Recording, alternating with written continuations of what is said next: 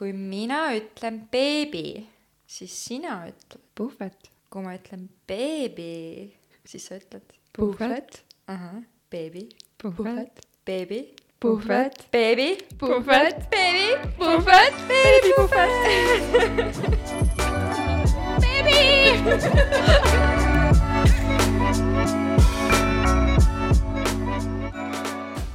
tere tulemast taas kuulama Beebipuhvetit. mina olen Aelis ja kahjuks täna pole minuga Annelat ega Lilit, kuid ma saan siiski südamerahuga öelda, et täiesti üksinda ma ei ole. minuga on kaunis noor ema, ta on omal maal väike maailmapäästja, suur taaskasutuse propageerija, imearmsa tütreema ja vist värskelt abiellunud. jaa. tere, Ketel tšau. mul on täiega hea meel, et sa tulid meie väiksesse podcasti. väga äge, et kutsusite. see on tore, et sa niimoodi jah, märkasid seda abieluvärki. ma just mõtlesin, et kui siin alguses peaksin ennast äh, kirjeldama hakkama ja kes ma olen, kust ma tulen, siis äh, noh, mul tavaliselt meeldib tuua välja mingi, et noh, ma olen erinevates rollides, et täna a la olen, ma ei tea, naise rollis. aga ma saan nüüd lisada veel selle ema ja, ja, ja nii-öelda sõbranna ja tütre rolli, et ma olen abikaasa mis tunded on? täiskasvanud tunne. on mm. mm. -hmm, mm -hmm. nagu noh, sain emaks, siis oli juba niisugune, et okei okay,, ma vist olen suureks saanud, kolisime oma majja, siis oli ka niisugune, et okei okay,, et et enam ei vaata, kuidas ema aias tööd, tööd teeb ja mururoht, mis mururoht seda, no mis see on nüüd Eh, rohib. rohib on ju, issand jumal, et kuidas ema rohib, vaid et hakkan ise rohima. aga nüüd vaatad, et oi, sõrmus on sõrmes, siis on sihuke, kohe selg on palju rohkem sirge ja kõnnid ringi ja hästi tähtis sihuke tunne on, et mis sõrmes üldse peab olema, meil oli üks päev just mingi vestlus täiega, et nagu mis see õige sõrm.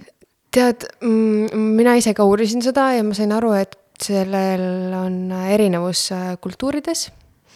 Ja tänasel päeval see on, tegelikult ei olegi sellist nagu vist kohustust, et kummas käes ta on, et see on kandja enda nagu mugavusest oleneb, et Eestis vist on nagu traditsioonilisem paremas käes aga mõned teevad niimoodi, et mehel on ühes käes, naisel on teises käes, et a la, et kui käest kinni hoiad, et siis on mõlemal nagu sõrmus on äh, nii-öelda peos, on ju. et äh, aga jah, kuna mul kuidagi sattus kihlasõrmus olema vasakus käes, siis ma panin paremasse. Ja niimoodi ongi niimoodi jah, täiega ilusad. aitäh.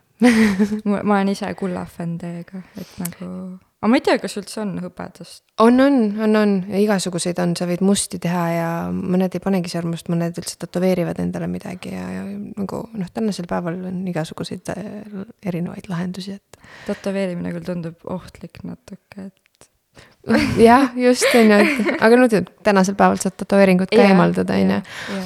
aga ja me läksime seda hästi traditsioonilist äh, teed pidi nagu sõrmuse välimuse poolest.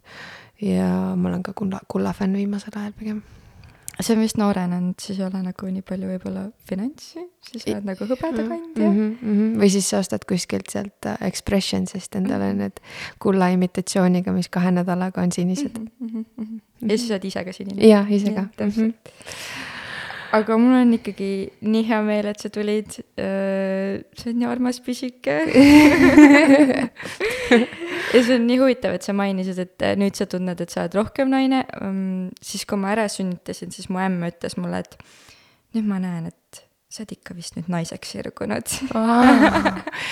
issand, mul midagi sellist vist ei öeldud, aga ma sünnitades äh, tundsin küll seda sellist äh, ürgset naist enda sees, et muidu see nagu naise sõna on kuidagi noh, lihtsalt noh, sõna on ju. Jah. aga siis sa nagu reaalselt iga keharakuga tunnetad seda, et oh my god, ma olengi naine. ma olen nagu lihtsalt äh, keegi, kes on äh, miljonite aastatega välja kujunenud ja nüüd ma olen see ja ma, mul on mingi ühendus oma ürgsete esivanematega ja mingi naine. ja seda valu tunneb igas keharakus molekulis, kus iganes.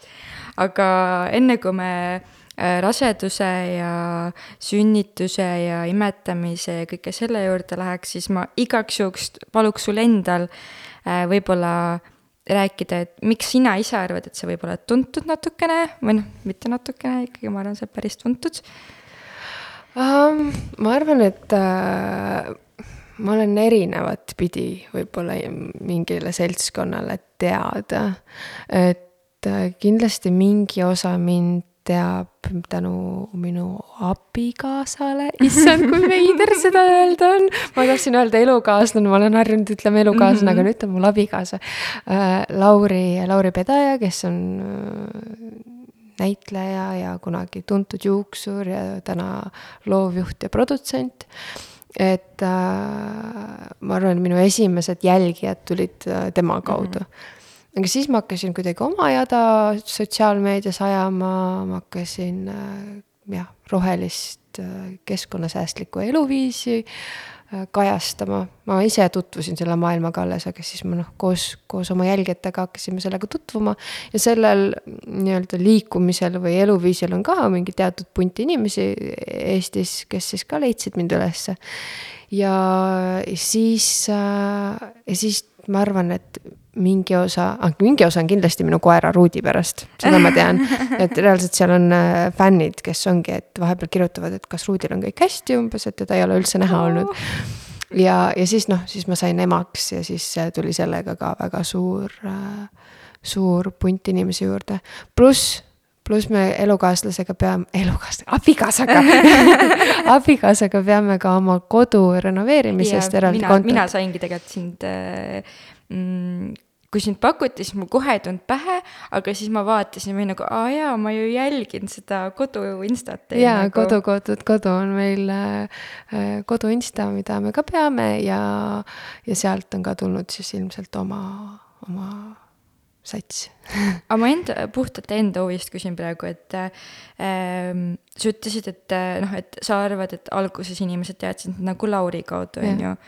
kas äh, nii-öelda see suunamudija või sisulooja äh, elu tundus sulle nagu kohustuslik ka või sa nagu ikkagi tegid seda nagu, et aa, tundub tore? ma, ma siis, kui ma Lauriga tuttavaks sain, siis ma pidasin oma Instagrami ainult nagu sõprade mm -hmm. jaoks, on ju. Mm, ja, ja see tu huvi tuli mul, ma arvan, ma olin Lauriga juba mingi neli aastat tuttav. ja siis alles mul mm. hakkas see huvi kuidas ma ütlen selle kohta, noh, naljakas võib-olla siis, naljakas oli see, et Lauril hakkas sel hetkel huvi kaduma Aa. Instagrami vastu ja minul hakkas siis kasvama. ja, ja siis ma nagu jah, nagu tegin seda asja veidikene oma töö kõrvalt, aga siis ma sain aru, et mul see huvi kasvab ja mul ei ole aega põhitöö kõrvalt seda nii teha, nagu ma tahaks ja siis ma tegin niisuguse hullu otsuse. mis su põhitöö oli? Ma olin äh, tol hetkel assistent ühes äh, startup'is ah,. Okay, okay. jah, et ma ei ole nagu, mul ei ole mingit äh, töötunnistust või ei ole ülikoolis või kuskil käinud, ma olengi nagu selliseid juhu erinevaid mm -hmm. otsi teinud. hästi palju teenindusalast tööd ja, ja siis jah, ma tegin sellise hullu otsuse, et ma tulin töölt ära üldse ja proovisin seda Instagrami asja ja kuidagi see jäigi külge ja mul on just see, et ma ka tunnen, et äh, ma vaatasin tööpakkumisi ja siis ma jäin nagu mõtlema, et aga samas, kui ma tahaks seda nagu podcast'i teha edasi ja Instagrami arendada, et äh, ma arvan, et nagu inimesed ei mõista tegelikult, kui palju aega see võtab mm, -hmm. et see ei mhm. ole nagu, nagu ma tunnengi, et minu story'd on nagu nii mõttetud või nagu äh, nagu need ei ole esteetilised ja siis ma mõtlengi vahepeal, et kui seda esteetikat tahta luua, et see on nagu tegelikult võtab meeletult palju mm -hmm. aega, aga see tundub selline tšauh-tšauh, mis see ikka on uh,. sellega on nagu ka lugu, et äh, ma ka alguses ajasin seda nii-öelda esteetikat täiega taga ja, ja alguses see võib-olla ongi oluline mm, -hmm. sest et inimesed äh, võib-olla tulevad ja uh, sinu kontole ja nagu panevad sulle selle follow nuppu, kui mm -hmm. nad vaatavad, et see on kõik hästi ilus nagu on ju. täna ma enam ei aja seda taga, et kunagi mul oli see, mul oli mingi neli erinevat programmi, kus ma töötlesin pilte ja panin mingeid äh, videosi eraldi kuskile nagu, no ühesõnaga mhm, tuunisin mhm. kõike ja siis, siis panin alles Instagrami, et see võttis kohutavalt suure aja ja nüüd ma enam ei kasuta põhimõtteliselt ühtegi filtrit ja kõik pildid ma teen läbi Instagrami äppi. et see on nagu palju, palju aja, aega läheb palju vähem. aga ma ei teagi, hakkasime Instagramist rääkima jaa, jaa, ei, äh, jah. Äh, ma räägin, see läheb alati lappama nagu vahetele, sest et mul tekib nii palju mõtteid ja küsimusi, sorry. ei, ei.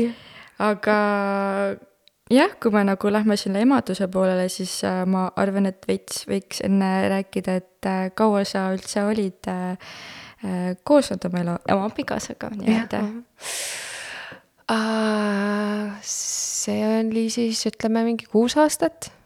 Ja seda on hästi raske meil alati eh, nii-öelda määratleda, sest et esimesed sellised kaks-kolm aastat me käisime vahepeal lahku, vahepeal me olime üldse pool aastat lahus. Mm.. kokku-lahku, kokku-lahku ja siis ma arvan jah, see oli mingisugune selline tutvumisest kolmas aasta, kui ta mind äh, küsis ametlikult tüdruksõbraks. ja ja, ja, ja no siis see oli nagu selline hetk, kus me mõlemad oligi, et nagu, et nüüd, kui me ütleme mõlemad jaa teineteisele, et siis see on nagu elu lõpuni välja, et me ei viitsi rohkem nagu mängida teineteisega seda kokku-lahku mängu mm,. ja, ja siis jah, ma ütlen, et me nüüd kihlusime, eelmine aasta, jah, me ühesõnaga abiellusime oma seitsmendal, seitsmendal tutvumisaastal ja Aarja saab põhimõtteliselt äh, aastaseks, ega jah, mingi kuus aastat olime koos olnud mm. -hmm. aga kas siis äh, lapse saamine oli teil nagu kogemata või see oli nii-öelda oodatud kogemata või? see oli pigem oodatud selles suhtes, et äh, noh, mina olen emaks tahtnud saada mingisugune kaheksa aastat, sest et äh, siis, kui mu vend sai isaks, mul mingisugune ema instinkt aktiveerus ja siis oli nagu see, et okei okay,, ma tahan ka. aga noh, ei, ei olnud nagu õige aeg veel. Ja, ja noh, nagu ma ütlesingi, et meil oli palju seda kokku-lahku käimist Lauriga. Ja, ja siis, kui asi tundus juba kindel, tuli see vaata koroonaaeg, on ju. me olime peadpidi koos äh, väikeses Mustamäe kahetoalises korteris ja me saime jumalast hästi teineteisega läbi, siis me saime nagu kuidagi kinnitust, et okei okay, mm, noh, see asi nagu töötab meil. Mm, ja, ja selleks hetkeks meil oli koer Ruudi ka juba olnud mõnda aega, mis oli nagu sihuke hea test äh, äh, kohustuse nii-öelda jagamiseks. ja kuidagi, ma ei tea, armastust oli nii palju, et oli tunne, et nagu seda armastust oleks võib-olla äkki kellelegi edasi jagada ja siis me nagu võtsime sellise kindla otsuse, et davai, nüüd proovime ma arvan, mingisugune kolm korda proovisime ja siis nagu läks õnneks väga hea. Et aga, aga nagu eelnevalt oli noh, ma ei tea, kas Lauri tahab, et ma seda räägiks, aga. ma saan aga, ära kattida. aga eelnevalt oli nagu see, et äh, äh, me me olime nagu valmis, et kui tuleb, siis noh, tuleb, on ju, et äh, me, me ei olnud võtnud kindlat plaani, et me nüüd äh, tahame lapsevanemateks saada ja me hakkame seda nüüd äh, proovima, vaid äh, lihtsalt me olime valmis, et noh, kui tuleb, siis tuleb, on ju no oodatud, äh, kogemata oodatud -hmm. ja, ja mul oli täpselt samamoodi. aga kas äh, ma olen siin varem podcast'is rääkinud, et mina saan näiteks täiega hästi aru, kui mul on ovulatsioon. et kas sul on ka mingit sellist asja? ei ei mm, -mm. ja nüüd on nagu see, et äh, mul hakkas äh, see kuupuhastus, ütleme niimoodi ilusti mm, -hmm. et kuupuhastus hakkas jälle, on ju ja varem oli see, et äh, tuli. aga sa imetad veel? jaa, ma imetan. ei hakkas? jah wow., jah. Sorry juba mingi nüüd kolmas kord või? jah, kolmas kord on uh,. jah, just praegu on igal juhul um, Äh, mis ma tahtsin öelda ah,, ja siis varem oli mul see, et enne aariat oli jõhkrad kõhuvalud mm, -hmm. nagu meeletud kõhuvalud ja igasuguste teiste tundemärkidega ma sain ka aru, et kohe on nagu see päevad tulemas ja nüüd ma ei saa sellest ka enam aru lihtsalt üks päev vette ja siis. isegi hea või nagu, või noh, samas ei, ma, ma olen selles mõttes väga tänulik yeah., et mul ei ole neid kõhuvalusid yeah. enam, sest see oli meeletu, ma olin nagu niimoodi, et kooli ajal ma pidin võtma haiguslehe töö, tööl käies nagu läbi ussi emmi ma käisin seal tööl, et haiguslehte ei võtnud iga kord mm,. et ma olen väga tänulik, et seda kõhuvalu enam ei ole, aga nüüd ongi lihtsalt see, et see on sihuke surprise hommikuti. et äh, ma kuidagi, ma ei tea, kas äh, äkki ma pean veel enda kehaga rohkem sõbraks saama peale nagu seda sünnitust ja kõike uuesti tunnetama hakkama, et äkki ma olen kuidagi võõraks jäänud. sa mõtled seda, et kuidas päevad ära tunda või? ja kuidas päevad ja ovulatsiooni ära tunda, on ju. Äh, minu arvates äh, päris tihti öeldaksegi, et äh, peale sünnitust võibki nagu minna veits kergemaks äh, menstratsioon, sest minul on täpselt sama refleks on nagu, et mul, mul käis nüüd ühe korra nüüd, ma nagu mainisin sulle enne, et ma lõpetasin imetamise ära.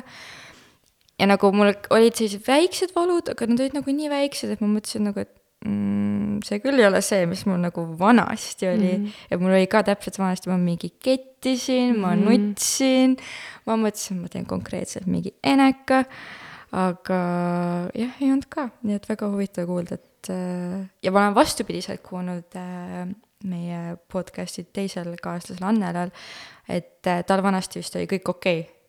Ja nüüd on jumala nagu lape. issand, ma ei ole nii kuulnud, see võib päris hirmus olla. jaa, ma mõtlen ka poole oma elust oled harjunud, et päevad on niimoodi, mis see ikka on, on ju, ja siis ma alati mõtlesin, kuidas see võimalik on, kui inimesed ütlesid, et oi, mul ei ole midagi, ma olin nagu Mm. how mm, miks mina vaata mm. -hmm. aga ei tea. aga kas sa kunagi mingite pillide peal oled olnud muidu? ei, aa, okei, no hästi siis, selles suhtes sihuke puhas tüdruk. Ei, see on täiega hea, jah. Äh, et jah äh,, jah, nii on. ehk siis jah, ma ei, ma ei, ma ei kujut-, ma ei tunneta üldse niimoodi Mhm. no siis sa jah ei tea seda vahet, ma olin nagu mingi aeg pillide peal, et ma nagu oskan täpselt nagu, et siis ma ei saanud näiteks aru, kuna on ovulatsioon. ja tol hetkel ma nagu ei pannud ka pilti kokku, et siis ei olegi ovulatsiooni tegelikult. Kuni ma nüüd käisin naistearsti juures ja küsisin, et aga siis ei ole ju ovulatsiooni, on ju, kui ma olen pillide peal, siis ta oli nagu mhmh mm. nii et see seletas minu jaoks nagu intiimsuse elu pealt väga palju asju, et yeah. Jah. miks mul ei ole mingit sellist suurt tungi vahepeal ja, nagu ei olnud, ja. et kind of Mhm, loogiline mhm, mhm. no naiste kehad on tegelikult müstilised, samas väga arusaadavad, kui sa oskad neid kuulata, on ju.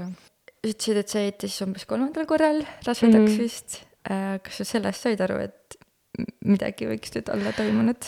Äh, ma sain aru sellepärast, et äh, mul olid hästi regulaarsed päevad. et äh, ja siis oligi, et äh, üks päev jäi ära ja ma arvan, et ma tegin kohe sel päeval, kui mul päevad jäid ära, tegin äh, testi ja kohe näitaski positiivset. Olid varem ka teinud muidu testi kunagi? jaa, ikka noh, siis- oligi e- need, need äh, sellele eelnenud kaks korda on ju, olid äh, lootusega, aga varem oli sihuke, et ma ei ole päris kindel, kas ma olen valmis. et vaatame, et seal on see kaks triipu, on ju. aga äh, ei, väga, väga ootasin nüüd äh, seda kahte. Aare oli tegelikult väga-väga oodatud. ma kuigi olin nagu mentaalselt sellisel või noh, ma ei, ma ei tea, kas üldse naine saab olla täiesti või üldse vanemad mm. saavad olla täiesti valmis, sa ei saa olla selleks täiesti valmis. nagu, et isegi siis, kui sul on üks laps juba olemas, ma arvan, et sa kunagi selleks teiseks lapseks ei saa ka täiesti sada protsenti valmis olla. Aga ei, selles mõttes, et oli ikkagi täiega oodatud ja ma mäletan nagu seda, et ma tegingi kohe hommikul testi ära, aga Lauril oli mingi pikk tööpäev. ja siis ma praadisin terve päev, nii tahtsin kuskil Facebookis kirjutada mingi you are gonna be a dad aga, aga jah, ei äh, tore nagu meenutada seda aega. jaa, sa said siis teada suve lõpus umbes või? jaa, see, see oli ka nagu äge nagu augustis äkki siis või? Jaa. et mul, mul olid äh, just niimoodi, et mul on kahekümne neljandal juulil on sünnipäev. ja, ja, ja sünnipäev äh, oli selline, et äh, meil oli Lauriga kuidagi selline hästi avameelne ja avatud kaartidega vestlus omavahel, kus me nagu olime hästi ausad teineteisega ja, ja ka nagu poolenisti kraaklesime, sest et me lihtsalt olime nii ausad ja mõlemad mm -hmm. võib-olla ei olnud valmis kuulama teineteist või võtma vastu seda informatsiooni veel. aga ma arvan, et see vestlus oli hästi selline vajalik meile ja ma arvan, et see oli nagu kohati tegelikult vabastav mm, -hmm. sest et äh, sellele järgnenud ovulatsiooniga ma jäingi rasedaks mm. -hmm, jah. jaa, kind-, hästi kindlalt ma arvan, et äh, meie keha teab nagu, millal sa oled valmis, valmis mm -hmm. või Mhm. nagu mm. -hmm. isegi kui sa nagu ei oota või mida iganes, siis ikkagi su mentaalne seisund ju veidi mõjutab, et äh, ja kindlasti. et äh, minu, ma olen nagu nii tihti kuulnud seda, kui naised nagu nii meeleheitlikult tahavad seda last, et nagu no kümne küünega ja siis nad ei jää ja siis nagu korraks nagu lasevad sellest nagu mingist megapingest lahti ja ma Mm. arvan, et nagu see tegelikult ju rakendub mujal. ja, ja see rakendub igal pool, me just rääkisime Lauriga sellest üks päev, et äh, noh, üldse armastusega see käib väga hästi kokku. et tema puhul oligi näiteks see, et enne minuga tutvumist tal olid mitmed suhted, suhtest suhtesse võib-olla hüpanud, on ju. siis ta käis Austraalias ja kui ta Austraaliast äh, tagasi tuli, ta oli sihuke mingi pooleaastane rännak iseendaga. tuli Austraaliast tagasi, siis ta mõtles, et okei okay,, nüüd ma lähen ja jooksen täiega sarved maha endal. ja ta oli poolteist päeva jõudnud Eestis olla, kuni ta privees kohtus minuga. et ongi nagu sa lased lahti sellest mõttest ja siis kohe tuleb ja see on nagu noh, ongi tööalaselt äh,, mis iganes äh, asjaga sul on. et kui sa nagu pingsalt midagi taga ajad, mingi, aa ma tahaks mingi head tööd umbes ta-ta-ta-ta-ta, siis sa ei saa seda mul on endal praegu nagu käimas selline nagu protsess, kus ma pean teatud kinnisideedest lahti laskma ja lubama elul asju korraldada ja natuke usaldada elu, aga noh, vahel on see hästi raske. hästi lihtne Jaa. mingeid asju rääkida teistele ja juhendada, aga ise on raske Jaa, neid täpselt, jälg- jälgida, on ju. ja no see on ka täpselt nagu sa ütled, kui on mingi kinnisideed, siis nagu isegi kui sa mõtled, et mm, no vahet ei ole ju nagu it's okei okay,, siis samas ka kuskil ajusopis Mhm. sa ikkagi mingi nonstop mõtled sellele et see on minu arvates nii, nii halb. aga ku- kuidas su raseduse algus oli? Kas sa oksendasid või? Äh, ja no rasedus oli niimoodi, et ähm, ma ise šokeer-, šokeeritult äh, vaatasin tagasi üks päev, ma olin blogi kirjutanud sellest kõigest, on ju. ma pidasin alguses nagu päevikus endal mingit äh, järge ja siis pärast kirjutasin nagu blogi sellest kogust teekonnast ja et see nii vara oli, et mul just nagu sõbranna äh, äh, rasestus ja mis see oli, mingi kaheksas nädal, kui tal hakkas iiveldama või midagi, siis ma mingi issand juba või. aga siis ma lugesin enda neid äh, kirjutisi ja nagu samamoodi tegelikult üpris varakult oli ja mul oligi esi-, esimene trimester kõige raskem mm. -hmm. äh, mul oligi süda oli paha. mul oli niimoodi, et äh,, et mingi nädal-poolteist oli isegi selline periood, kus ma ei saanudki põhimõtteliselt voodist ülesse. Lauri käis tööl, nii et, aga mul õnneks, noh, kui ma ütlesin, vaata Mustamäel elasime mm, -hmm. mul õnneks ema elas mingisugune paarsada meetrit eemal mm. -hmm. ja ta käis mulle süüa ostmas, sest et nagu ma ei jõudnud mitte midagi teha ja siis ma seal voodis midagi nagu sõin et nagu see, see toit, mis ma alla sõin, see enamasti püsis sees. Aga hommikuti oli ikka jube kehva ja mul oli hästi veider selline asi, et uh, kui ma köhatasin mm, -hmm. siis mul tekkis oker, okserefleks ja hästi veider. mul nüüd, kes ei taha midagi rõvedat kuulata, järgmised mingi kakskümmend sekundit pange kõrvad kinni. aga mul oli niimoodi, et ma sõin üks hommik pomelot ja jõin kakaod nii, ja siis tead sa seda jooki, vaata see aloe vera joogid, kus on need Jah. siuksed tükikesed sees. no mul tuli välja selline šokolaadi aloe vera jook mm.. meil üks kuulaja kunagi kirjutas, et tema nipp äh, nagu oli see, et äh, söö hästi palju nagu marju ja muusid, siis vähemalt kui sa oksendad välja, siis see on muusimaitseline. no see ei olnud üldse nii mõnus magusmaitse nagu nagu-, see oli päris, päris nasty. ja siis, siis mul oli kõige esimene sümptom üldse tegelikult oli see, et mul lõhnatundlikkus tuli. ja ma mäletan, me olime, siis oli see Rally Estonia mm, -hmm. me olime Lauri perega Otepää kandis oli vist jah jah., Otepää kandis ja siis äh, õhtul hakkasid äh, kõik äh, grillima siis tead see sibula ja koore marinaadis mm -hmm. on ju ja siis tehti see pakk lahti, ma tundsin seda sibulalõhna. ma mingi oh my god, ma ei suuda siin olla, sellise terav lõhn kuskil nina taga kuskil. aa, see oli nii õudne, aga selleks hetkeks ma ei olnud ju kellelegi veel rääkinud, nagu mul vist oli ikka jah, oli nagu selles mõttes, et ei, ma ei olnud veel arsti juures vist ka käinud nagu ennast arvele võtnud, on ju, nii et noh, ongi, me ei tahtnud kellelegi veel rääkida. ja siis nagu oled seal toas ja tahaks lihtsalt kogu aeg toast välja saada, sest et see sibulhais käib üle pea. ja siis, siis oli eriti räige mul äh, koer, koeralõhn hakkas vastu.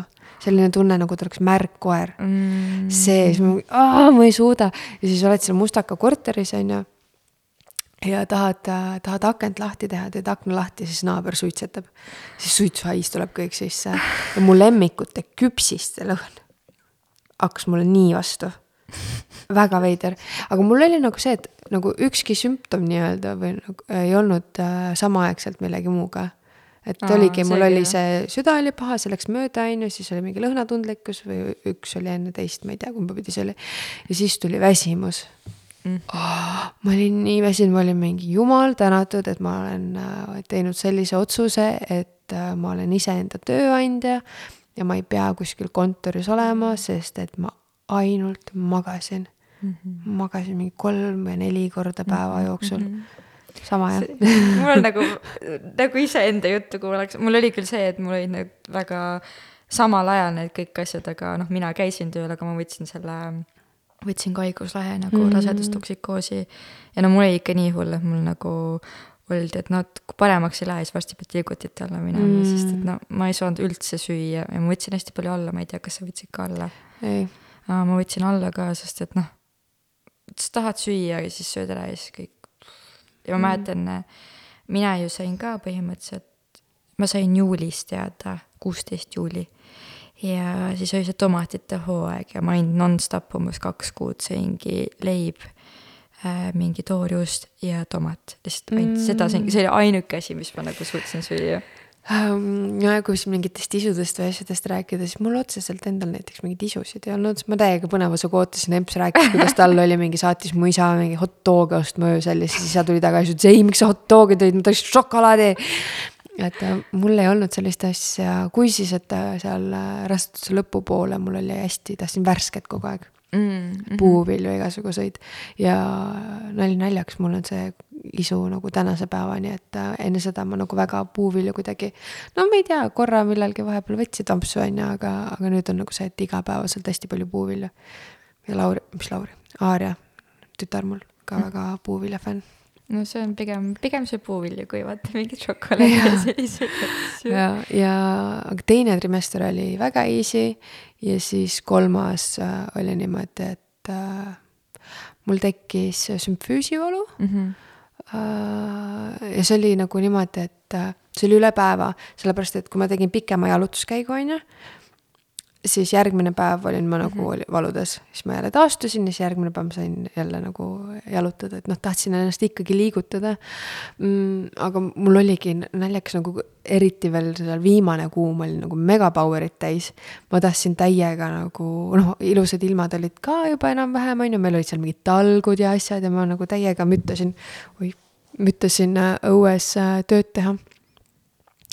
aga mis sümptom, aa, nina oli kinni ka, see oli üks tüütus oh, seda ja mul oli niimoodi, et öösiti oli ikka nina kinni, siis ma kogu aeg ähkisin läbi suu.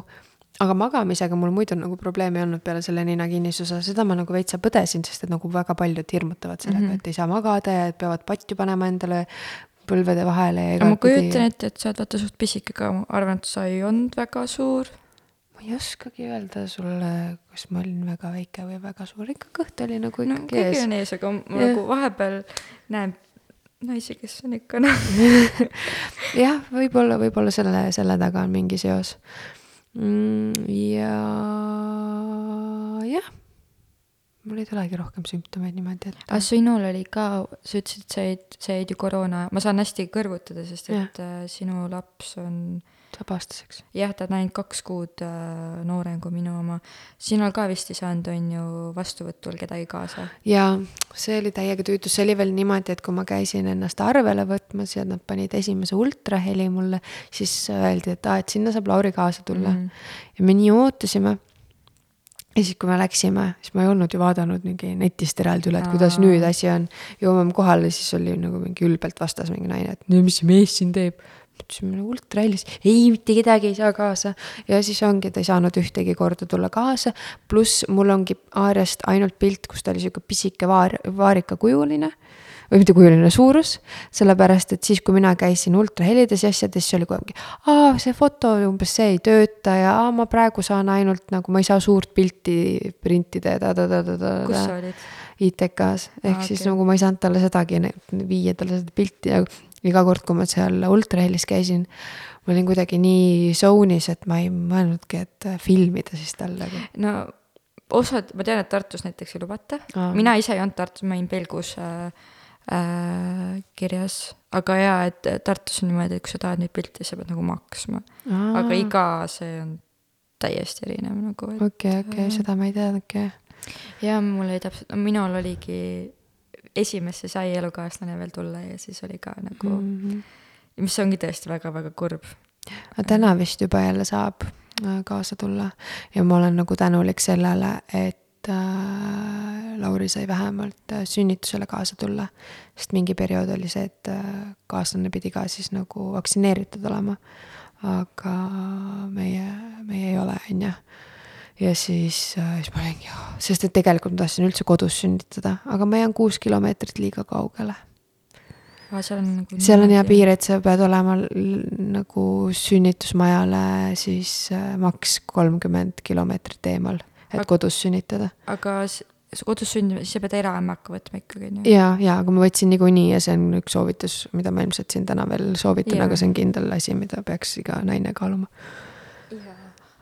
jah.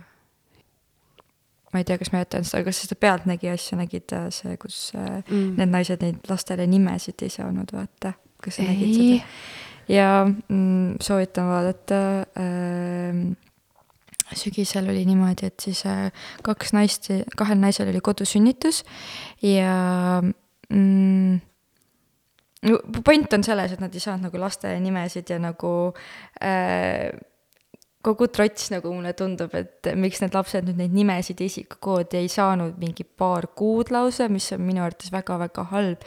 just selles mõttes, et äh, ma ei kujuta ette, kuidas tervishoiusüsteemis äh, sa teed äh, lapsele ülevaatuseid ja võtad verd ja selliseid asju. just see point nagu Jaa. aga point oli umbes nagu jäi mul mulje, et äh, taheti nagu, mis see sõna on, märter või? mm. -hmm. teha sellest, et kodus ei oleks neid sünnitusi nagu.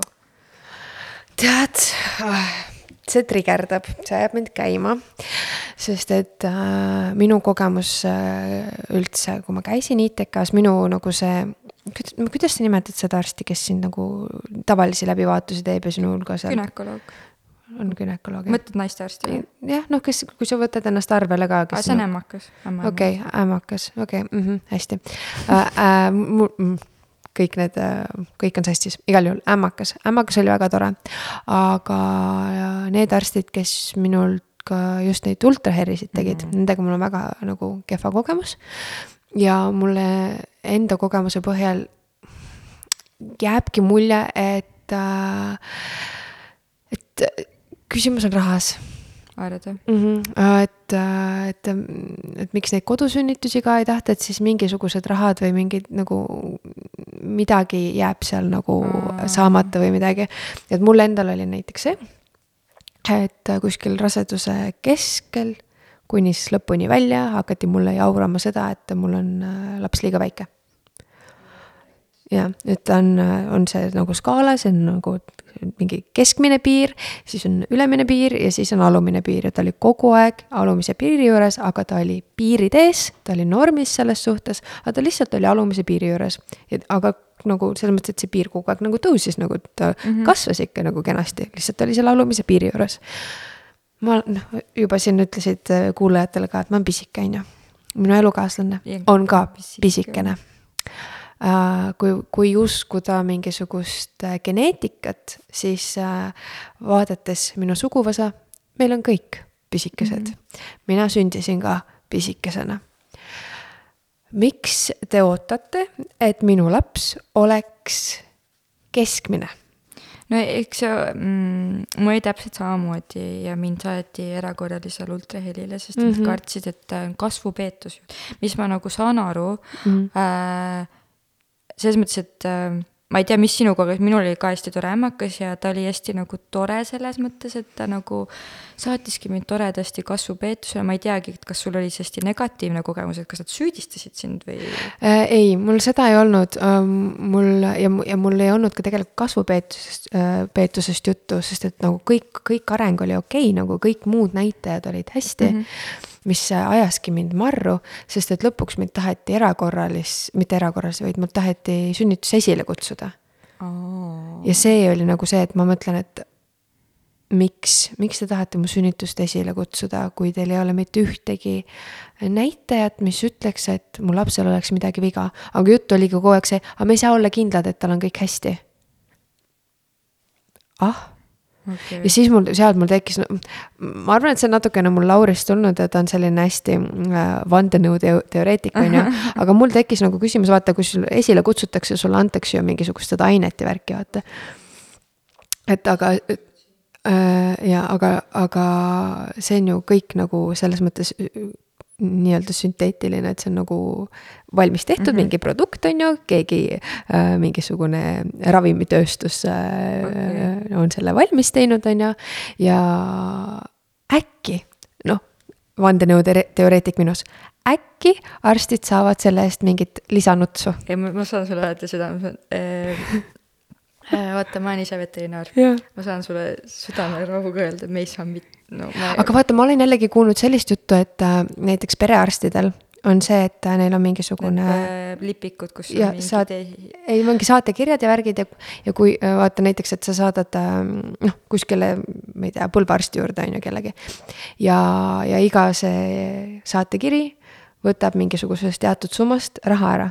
ja aasta lõpus, kui sul jääb äh, sealt mingi raha üle, nendest saat-, ära kasutamata saatekirjadest, siis sa saad selle boonusena endale ma olen kuulnud selliseid lugusid ja selliste lugude põhjal ma olengi mingi, et aga äkki seal keegi ikkagi saab mingit boonust mingisuguse, et no näiteks, et äh, nii palju neid äh, esilekutsumisi aastas, siis tähendab seda, et kõik saavad mingisugune väikse protsendi. aga noh, see ma, ma räägin, see on vandenõuteoreetik minus on ju, et see ei pruugi nii olla, aga see oli mu endale nagu võib-olla nagu selline rahustuseks mingisugune nagu selgitus, et äh, sest et äh.... ma sellega küll nõustun, et äh eks see kindlasti oleneb haiglast, eh, kui palju nagu tahetakse surkida. minul oli näiteks täiesti vastupidine kogemus just nende ultraheli inimestega, et nad olid hästi-hästi sõbralikud ja minu ämmakas ise vaatas, et aa, näed, see on Nõmme arst, et, et sinna ma ei taha mm -hmm. sind mhm. saata. ta vaatas täpselt eh, toredad arstid ja huvitav ongi mul kuulda, et äh, minule, kui mind saati sinna erakorralisele ultralile mm, -hmm. siis see naine oli, et aga sa oled ise ka ju nii pisike, siis ma olin nagu mm -hmm, et ma sündisin ise, ma olin ise hästi pisike, kui ma sündisin. ja ma olin ka mingi alla kolme kilo kinni. ja ma olin ka, ma olin kaks koma kuus. ja ta ütleski mulle, et, et ma arvan, et kõik on okei okay,, et sa oled ise pisike, sa olid ise, sina olid sündides pisike yeah., et äh, ma jah ei tea seda rahade teemat, kuna ma töötan veterinaarias, meil on kõik nii-öelda siis äh, meil ei ole mingit üleliigset raha, on ju, selles mõttes, et, et äh, iga sendiga püüad seal nagu koonerdada ja teha asju, mis on vahepeal väga kurb äh,, sest et äh, kvaliteet kukub selle pealt mm, -hmm. aga see on omaette teema, ma ei hakka seda lahkama siin. ja noh, ma räägin, ma võin täiesti nagu mingit segast panna, palun vabandust kõigi eest, keda see kuidagi ärritab. ja kui see nii tõesti ei ole, aga lihtsalt jah, noh, ongi noh, rasedad ja es yeah. esmakordselt üldse emaks saav naine võibki igasuguseid veidraid asju välja mõelda, on ju. aga jah, mul oli nagu see kogemus oli nagu kehva, ma püüdsin hästi tugev olla üldse, mis nagu noh, mul on eelnevalt ja ja ka täna tegelikult nagu vaimse tervisega selline nagu üles-alla suhe mm. -hmm ja, ja ma olen nagu olnud depressioonis ja mul oligi nagu see, et kui ma nüüd te teada sain, et ma olen rase, siis ma hästi tugevasti enda vaimuga tegelesin ja kui ma nüüd käisingi, mul, mul ei saad-, saadetud ükskord sinna erakorralisse nii-öelda äh, ultrahelisse, ma käisin ikka mingi äh, no ikka päris tihti käisin seal lõpus, mis on nagu ka kehva, sest et tegelikult neid ultrahelisid ei ole hea nii palju nagu teha väidetavalt. et seal on ka ikka mingisugune risk, on ju. no nii, ja siis äh, ma püüdsin seal kabinetis olla rahulik. kuni siis selle hetkeni, et mul oli mingi, ma ei mäleta, kas kolmkümmend kaheksa nädalat lõpp mm, -hmm. on ju. ja, ja siis äh, arst hakkab rääkima, et noh, kui ta neljakümnendaks nädalaks sündinud ei ole, siis, siis tuleb küll esile kutsuda see on nii veider nagu loo-, loogika, nad ju tahavad just, et oleks suurem. No, aga ma ei tea ka, ma ei tea seda nii täpselt no,, äh, ma ei tea humaani nii täpselt, vaata. et aga, aga noh, ongi, ma küsisin ka seal kohapeal, et palun selgitage mm -hmm. siis mulle, et nagu miks, sest et minu aju no, ütleb ka seda, et las ta siis kasvab kauem. aga ainuke selgitus oligi see, et me ei saa olla kindlad, et tal on kõik hästi. Aga te ei saa ka olla ju kindlad, et tal siis midagi kehvasti on, on ju Mhm, mhm. Ja, ja siis oligi tookord ma nagu läksin täiesti endast nagu välja ja kui ma nagu sealt kabinetist välja sain, siis ma ikka nagu nutsin, et äh, ma tundsin, et mul on liiga tehtud. aga nagu ma ütlesin, mul oli eraemand valitud, äh, kellega ma nagu põhimõtteliselt raseduse vältel ka mitmel korral nagu check-up isin ja vaatasime, kuidas mul läheb ja kõike, jagasin infot ja ma kohe helistasin talle ja ütlesin, kuule, selline asi. mulle pandi, noh, mulle pandigi aeg. ma ütlesin, mida ma teen, siis ta ütles, et sa ei pea minema mm. -hmm. sa lihtsalt ei lähegi. kui sa tunned ennast hästi, lapse näitajad on head ja kõik on normis, siis on kõik, siis ei lähe sinna lihtsalt. sest et mina olin hästi seda poolt, et ma tahan loomulikku mhm, sünnitust mm. -hmm. ma nagu ongi noh, rääkisime kõhuvaludest ka, et põhimõtteliselt siis, kui mul need hullud päevade valud olid, see on ainuke aeg, kui ma võtan mingisuguseid rohtusid, äh, valuvaigisteid, aga muidu nagu ma usun sellesse, et meie kehad on loodud erinevate asjadega toime tulema ja noh, sünnitus on eriti selline mm, loomulik asi, millega naised on aegade algusest hakkama saanud, et ma tahtsin seda kõike võimalikult loomulikult. sellest ka see soov kodus sünnitada, on ju.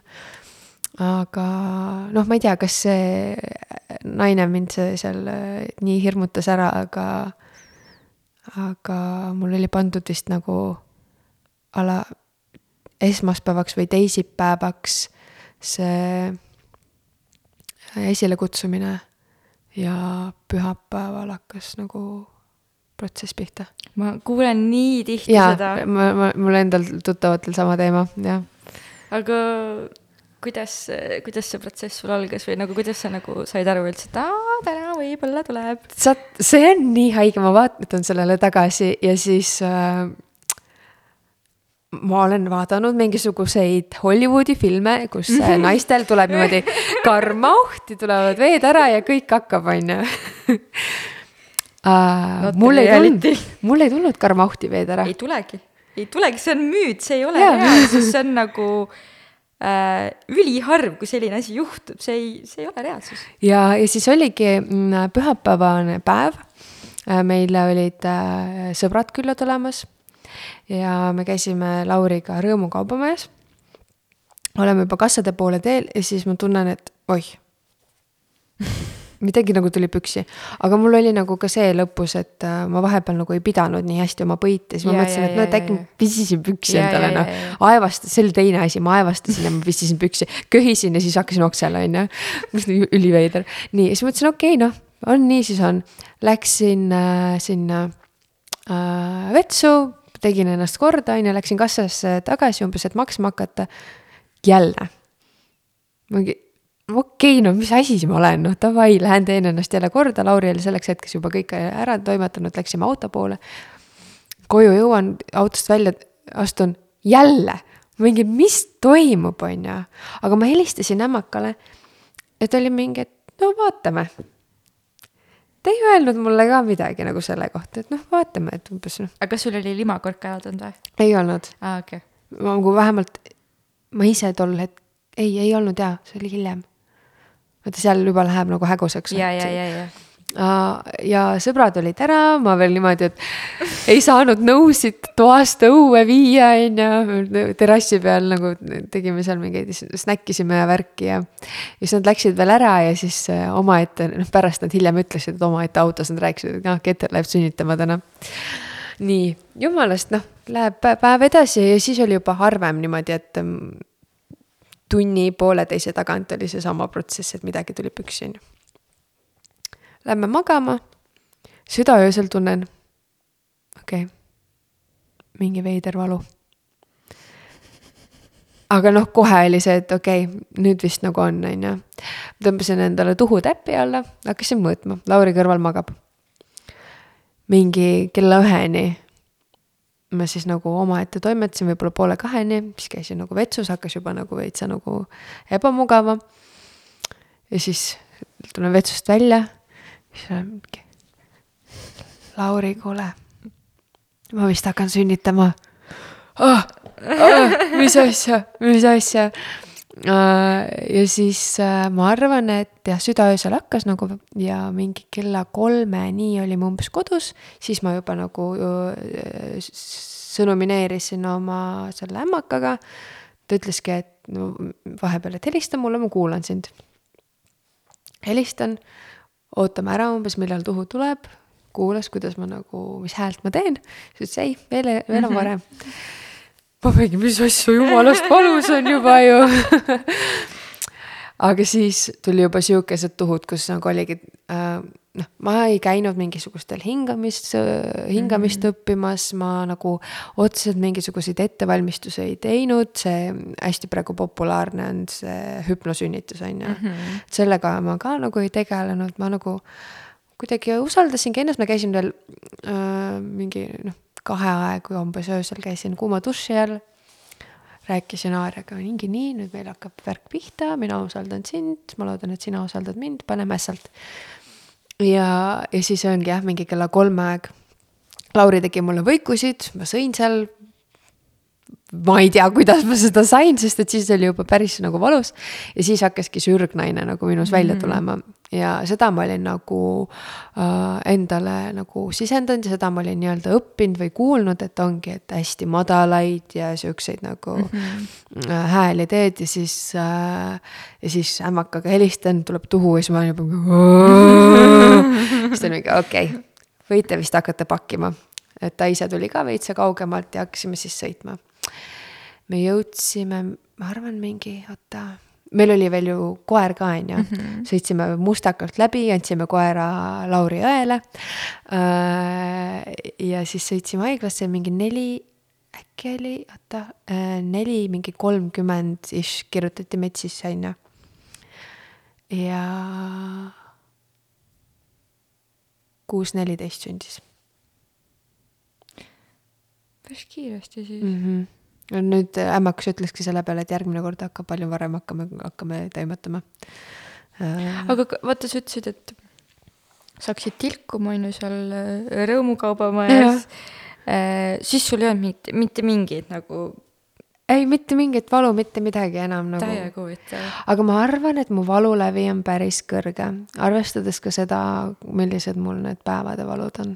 ja, ja mina mõtlesin ka, et et äh, mul on nii räiged päevad, et see nagu ei saa hullem olla, aga no mina sünnitasin veel kiiremini kui sina, nii et äh, see vist olenebki minu teada see valu olenebki, kui kiiresti see avaneb nagu. jaa, aga vot selle avanemisega oli ka nagu noh, ma ütlesin, vaata, ma eriti mingeid ettevalmistusi ei teinud, aga üks mu jälgija kirjutas hästi toredasti, et tema tegi sellist asja, et ta visualiseeris ja ma usun hästi palju visualiseerimisse ja ta visualiseeris konkreetselt, kuidas ta seal all avaneb mm. nagu lill nagu et oled väike mm -hmm. nupukene ja mhm. avaneb ja ma reaalselt, noh, mulle väga meeldivad pojengid ja ma kujutasingi ette, nagu ma olen pojengi nupukene, mis avaneb. ja sünnitusmajas äh, ma ka kujutasin seda avanemist ette, aga samal ajal ma kujutasin ka juba ette, kuidas Aaria nagu allapoole liigub. ja ma arvan, et see aitas, sest ma jõudsin kohale. me ju sõitsime mingi pool tundi, on ju. terve see aeg ma kujutasin ette, et ma avanen, ma avanen mm,. ja me jõudsime kohale ja siis mul oli avatus mingisugune seitse või kaheksa aga siis noh, oli juba niisugune nagu võõras keskkond, korraks nagu see asi peatus kõik, on ju. Äh, ma tahtsin, mul oli juba nagu öeldud ämmakale, et ma tahan nagu vette sünnitada. Äh, aga kui kohapeal olin, siis see tundus kuidagi nii vale aga noh, mul on alati ka päevade ajal nagu vesi ja kuum vann ja kõik see on nagu leevendanud. mulle tundus, et äkki see võiks nagu aidata. ta mitu korda nagu küsis, et kas äkki, kas ma panen vanni vee jooksma, ma mingi ei, ei, ma ei taha praegu. siis küsis vahepeal uuesti, et kas ikka paneme vanni vee jooksma, siis ma mingi okei okay,, davai. ja siis, kui ta selle kraani lahti tegi ja see tš, hakkas, ma mingi, ma tahan vanni, laske mind vanni ja põhimõtteliselt oligi, me läksime vanni ma tundsin lihtsalt seda vabanemist.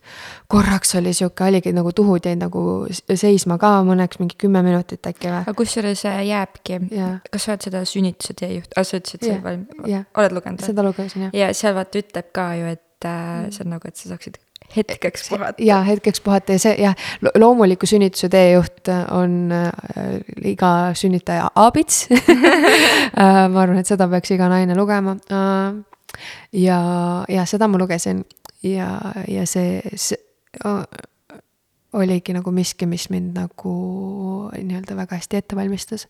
ja, ja teine asi on see, et üks asi on see, et keha, keha puhkab, on ju korraks, aga teine asi on see, et kui naine ütleb, et ma rohkem ei jaksa siis see, see on nagu indikaator mehele, kui mees nagu kaasas on, et okei okay,, nüüd on, kohe on nagu lõpp, on ju. ja ma olingi seal vannis, ma olin korraks mingi, lõõgastusin seal vees vesi hakkas nagu jahtuma, ma ütlesin, et palun pange vett nagu sooja vett juurde, Lauri masseeris mu pead, kusjuures selle hetkeni ma nagu ei olnud teda endale põhimõtteliselt ligidale üldse lasknud, ma lubasin talle ainult endale vett pakkuda, on ju. ma tahtsin nagu hästi omaette olla. siis ta masseeris mu pead, mul aa, sitaks mõnus ja siis äh, ämmakas vaatas äh, avatust. ei, ta tahtis veel panna mulle KTG külge mm -hmm. vees, on ju. aga siis ta oli mingi, et vaatame avatust korraks, ta oli mingi, aa meil ei ole KTG jaoks enam aega ja siis oligi mingi ja nüüd suru ja esimese pressiga ei tulnud veel, see oli niisugune nagu pool, poolkõva press on ju, ja teise pressiga siis tuli välja. täitsa pekkis. ja, ja siis ämma, noh, mul nagu üks osa minust on mingi, et ah, et kas ma peaksin nagu sellest, sellest rääkima sellises uhkustavas võtmes, aga mul reaalselt, mul on nii uhke tunne, sest et nagu see oli selline, nagu ma olin ennast vaimselt nagu sellisesse kohta oleks äh, hetkeks nagu treeninud. või nagu, et see ei olnud nagu, et ma oleksin nagu treeninud üheksa kuud selleks, vaid nagu ma panin ennast nagu nii nagu, võtsin kokku ennast selleks hetkeks nii äh,. selleks mõneks, mõneks tunniks, mis meil see protsess oli kõik, et ma olin nii uhke ja ma olen tänaseni nii uhke selle üle. peab ka, mina siiamaani ütlen nagu selles mõttes, et äh, ma saan aru, et sul ei olnud ka epiduraali ega mitte mm -mm. midagi, on ju, noh, mina nagu, mul ka ei olnud ja noh, minu, kahjuks minu sünnituskogemus on kõvasti teistsugusem kui sinu oma, et mulle tundub, et sul oli hästi positiivne. jaa, mul oli ja, positiivne. et äh, sa ei räägi sellest sellise valuga, millega mina räägiksin sellest äh,. mul on siiamaani, ma hakkan nutma selle pärast nagu mm,, aga mul on nagu just nii nagu uhkusega vaata või nagu mm, üles, ülevalt alla. et nagu ma oleks ka tahtnud niimoodi selliseid kogemusi ja äh, olla nii treenitud või nagu, mis sa ütled, jah, treenitud ütles ikka nagu, et. et, et no ongi nagu see, et ähm, mm, ma, ma tahaks täiega jagada seda positiivsest, positiivset kogemust, sest et minu äh, kokkupuude enne kui ma üldse nagu kindlalt hakkasin mõtlema, et ma tahan emaks saada, Äh, oli erinevate lugude näol, et see on nagu nõme kogemus ja, ja et pigem on naistel negatiivne kogemus. ja ma tahaksin teiega jagada, et tegelikult nagu see positiivne kogemus on võimalik ja, ja ma usun, et hästi suur osa ongi mindset'il see kuidas sa mhm. ennast nagu häälestad, ma püüdsingi ennast, kogu aeg ma ütlesin, et ei, minu, meil läheb hästi. Meil läheb ilusti. mul emps oli mingi kogu aeg, et no vaatame, mis juttu sa siis räägid, kui sa ära sünnitanud oled, sest et tal on kaks väga nagu Äh, rasket kogemust, on ju, mõlemad on keisrid ka ja nii. aga ma olin nagu ei, see ei pea olema raske ja keeruline ja vastik kogemus, see on, see, võib vabalt olla selline kogemus, mida ma mäletan eluaegade lõpuni kui positiivset kogemust ja, ja nagu hea meelega mäletan aga teine osa minust on see, et nii paljudel naistel on see halb kogemus. Et äh, see võib olla nagu selline nagu valus nii-öelda hoop neile, kui nad ja. kuulavad, et aa, kellelgi läks nii hästi. ma ei usu, ma ei, nagu ei tahaks uskuda selles, või no eks see oleneb täpselt inimest nagu, kuidas sa võtad nagu, ongi inimesi, kes ma leian, nagu ei suuda mitte kunagi teiste inimeste üle õnnelikud ollagi. et see sõltubki, kuidas sa ise selle info, mina just nagu, mul oli halb sünnituskogemus, aga mina just tahaks püüelda nagu teise lapsega selle poole, kus sina olid. jah, ja noh, mul oli tõesti selline kogemus, et ma päriselt ütlen, ma põnevusega ootan et saaks uuesti minna. ma tahtsingi su käest küsida, et sa ütlesid, et sa lugesid ka seda sünnituse teejuhti, et kas sa selle orgasmi peatüki lugesid ka läbi jaa, ikka lugesin. ma arvan, et äh, minul äh, ilmselt ei saa kunagi olema selline sünnitus, sest et see ei ole miski, mille poole ma püüdleksin, et, et äh, saada nagu äh, sünnituse ajal orgasmi või minna nii nagu sellisesse kuskile teise dimensiooni endaga, on ju. Mm, aga, aga nagu mingil viisil selline transs või mingisugune nagu rännak oli see ikka nagu täiesti nagu mujal ikkagi omadega nagu, et, et kui siin kuulajate seas on naisi või jah, ma pigem pöördun praegu naiste poole, naisi, kes on tegelenud mediteerimisega, aga veel ei ole emad, siis minu jaoks oli see üks suur niisugune meditatsioonirännak, äh, see sünnitamine. ja noh, hästi-hästi-hästi oluline selline äh, tugitala seal oli noh, muidugi minu abikaasa äh, Lauri, aga nagu ma ütlesin, et ma tahan kiita ja soovitada siis kindlasti eraemaemand. nüüd ma ei ütle välja oma eraämmaemanda nime ja seda teadlikult, et keegi lihtsalt, et see mul ka kunagi veel võimalus jääks, on ju. et kui keegi ta tahab tõesti teada, siis võib eraldi kirjutada mulle. aga, aga mi-, miks ma nagu seda nime ka ei taha välja öelda, see on see, et mina ei valinud teda sellepärast, et keegi oli soovitanud. mina valisin endale eraemamanda selle järgi, et ma võtsin ITK lahti yeah.. ma vaatasin äh, pilte ma valisin piltidest välja mingisugune kümme naist, kes mulle pildi järgi tundusid sümpaatsed, tunnetasin nii-öelda pildi järgi. siis ma võtsin välja nende enda kirjeldused enda kohta ja praakisin sealt välja veel siis umbes viis. ja siis ma võtsin äh, internetis, vaatasin, et äh, mida keegi on nagu kirjutanud. tervisetööd.ee. jaa et, äh, et noh, et, et ongi, sa, sa otsid inimest, kes on sinuga sarnane, sa, mõtleb sinuga sarnaselt. vaata, kui, kui sa tõesti väga kardad näiteks sünnitust või tead, et sa no absoluutselt valu ei kannata, see ajab sind näiteks oksele, sa tahad kindlasti epiduraali, siis äh, seal võib olla mingisugune teine ämmaemand, kes äh, selle vaatega väga ja. hästi resoneerub ja see sulle nagu paremini sobib. kui sa tunned, et sa tahad sellist kogemust ja sul on sellised nagu vaated sünnitusele nagu minul, siis, siis võib-olla seesama ämmaemand, kes mind, minuga toimetas, sobib sulle, on ju. aga miks, miks ma nagu kiidangi just eraema emandat, on nagu see, et esiteks sul on nüüd kindlasti üks inimene seal kohapeal sinuga, on ju. Äh, see on inimene, keda sa juba tunned varasemalt, sest mulle oli nii oluline see, et oleks seal nagu tuttavad näod vastas. et see oli küll koroonaaeg ja me läbi veebi suhtlesime või siis läbi telefoni, aga see hääl on sulle juba yeah. tuttav, on ju. ja, ja, ja teiseks ta nagu väga hästi, nagu vot ma ütlesin, ma ei ole õppinud hingamist, aga tema suunas mind koha peal väga hästi. ta oligi, kui tuhu oli möödas, ta nagu õpetas kohe, kuidas hingamine taastada, sest et äh, noh, miks ka sünnitused võivad kesta tunde ja tunde ja tunde, on see, et naine on lõpuks nii ära kurnatud, et tal ei ole, tal ei olegi seda ressurssi ja, ja aga see ressurss kaob äh, ka vale hingamise tõttu, kui sa. jah, ja ma just enne juba mõtlesin, kui sa ütlesid, et sa ei, nagu ei õppinud hingamist, et äh, see on nii huvitav, et äh, nagu just see, et sa ikkagi said nagu õige hingamise lainele mm, -hmm. ma mhm. siis nagu eeldan, et äh, ma tean terve aeg, et mina hingasin valesti, ma tegin hääli valesti, ma tegin kõike valesti mm.. Äh, noh, võib-olla kui ma omalt poolt mingid nipid annaksin, siis ongi, vaata, ma ütlesin ka, et äh, too oma kõige madalamad häälikud välja, on ju et hästi sealt sügavalt, kujutadki ette, et sa oled ürgnaine, kes yeah. praegu koopa ukse ees on ja mingi mammut on tulemas ja sa möirgad talle, et ei, minu lapsed on siin, sa ei tule mitte kuskile, on ju äh, M-id, O-d, A-d vist isegi ka, on ju. ja, ja äh, vaata mingi, mingi. aga see oli see teema, vaata, et sa pidid niimoodi, nagu sel-, sellise mm, suuliigutuse nagu, kui, kuidas emakas avaneks, eks nagu uu vist oligi. et mm. mingi väga kriiskamist ei tohtinud mm. teha, sest et ja aga see ma kohe. ongi täpselt. kui ma, kui ma läksingi kõrgemad, mingid noodid tulid, siis ma tundsin ka kohe, et nagu oma kehas, et äh, ei, see on vale mm. -hmm et hästi-hästi madalad uh,. Mul oli mingi, mingi asi, mis ma tahtsin veel kaasa anda, mingi mõte, äkki küllap tuleb. palju sul laps kaalus, kui ta sündis?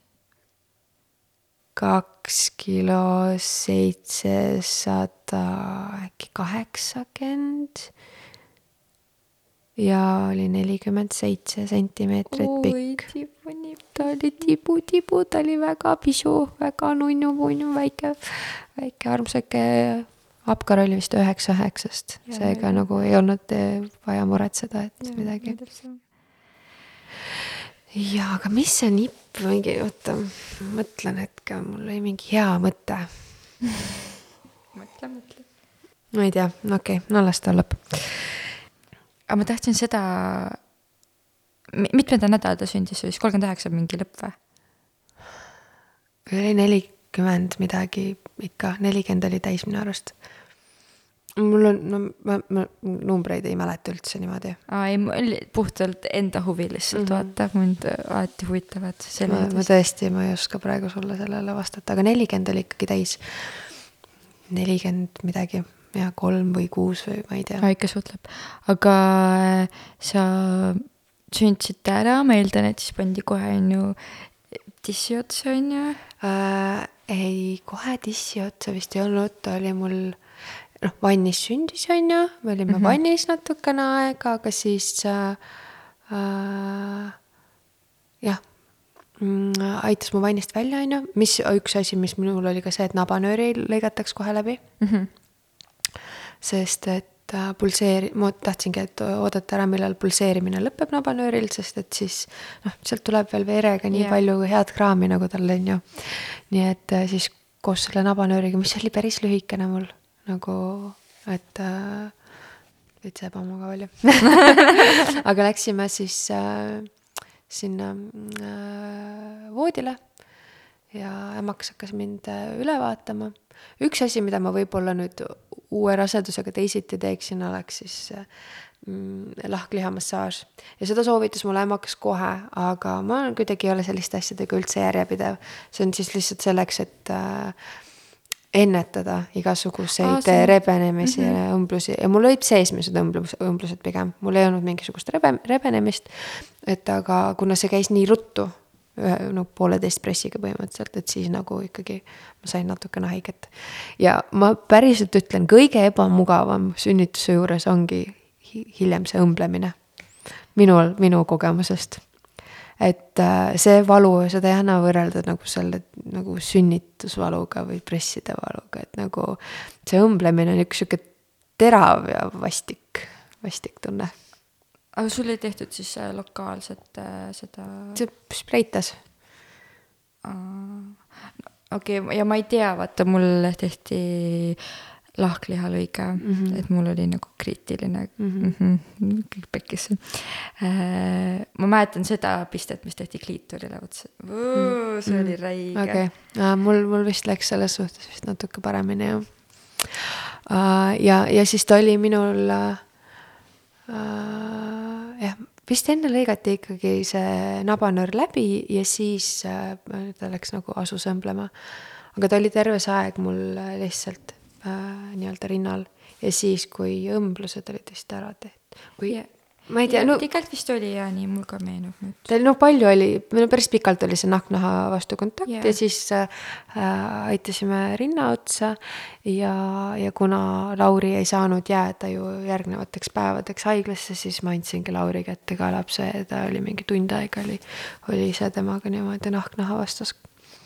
ja, ja noh no, jah mis oli mingi umbes kaks tundi sai olla või isegi me saime vist natukene rohkem olla, sest et ei olnud äh, tulemas teisi äh, sünnitajaid peale mm. -hmm. ja siis äh, ratastooli ja palatisse. aga kas sul mm,, näiteks mina tundsin seda, et,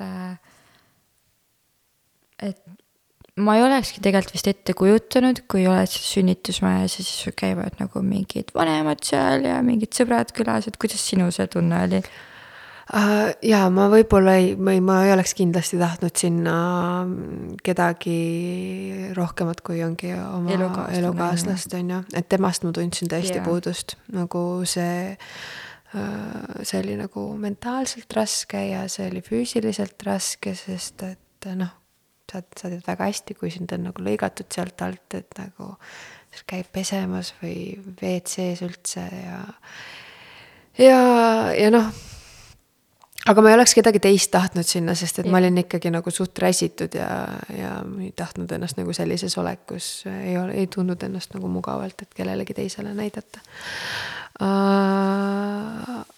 ja me olime vist kolm päeva vist ka mm. -hmm.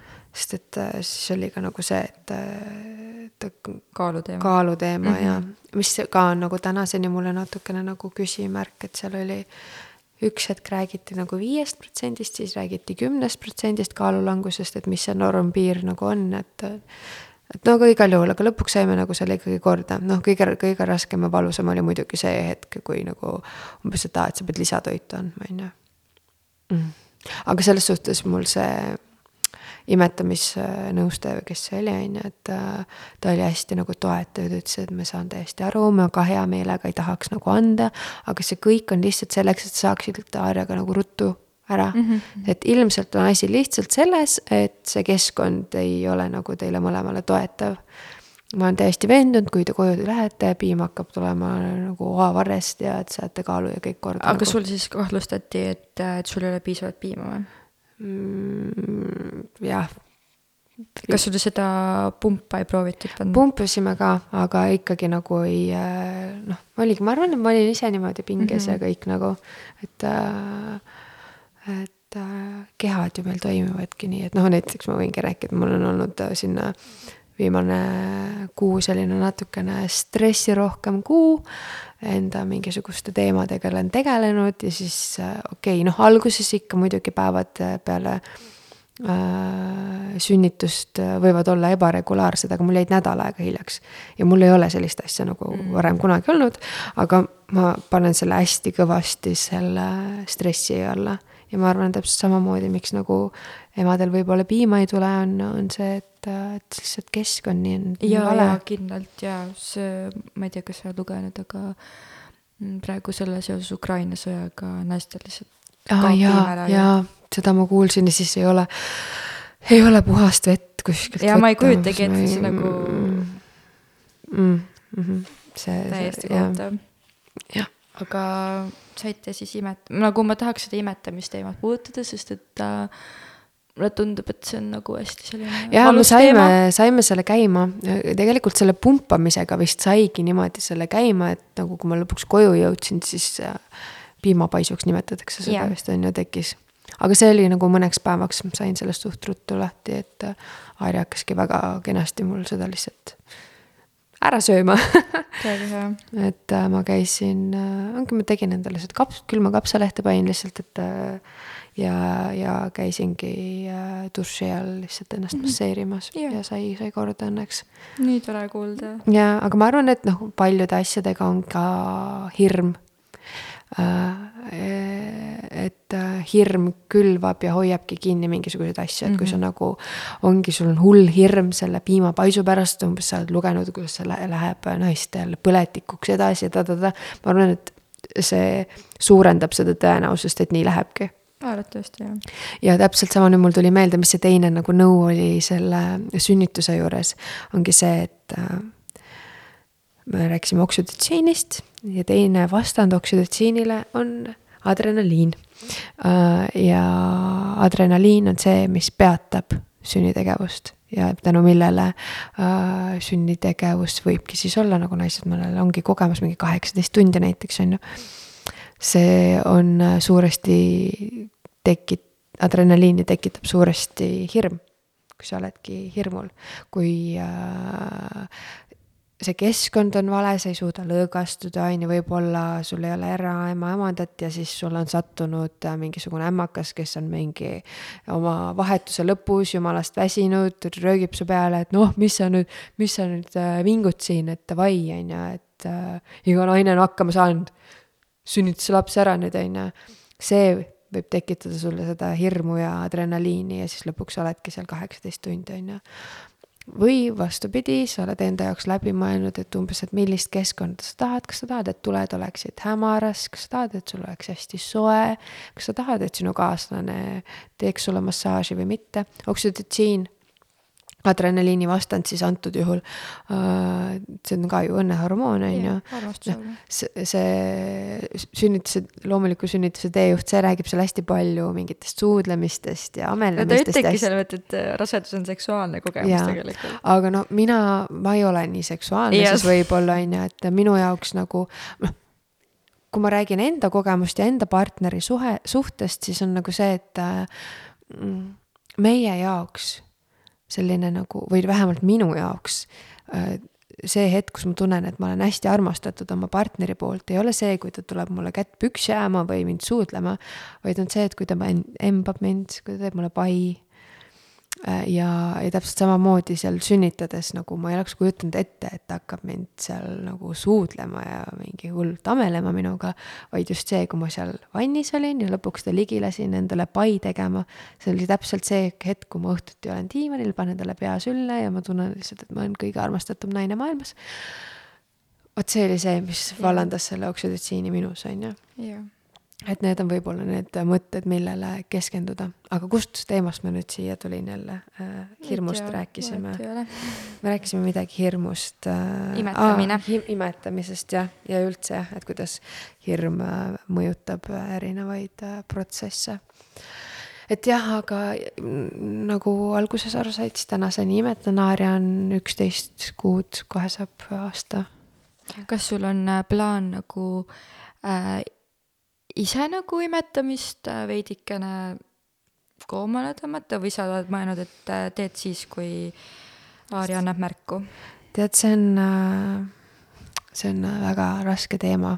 täna on just hästi aktu-, aktuaalne teema mulle endale, sellepärast et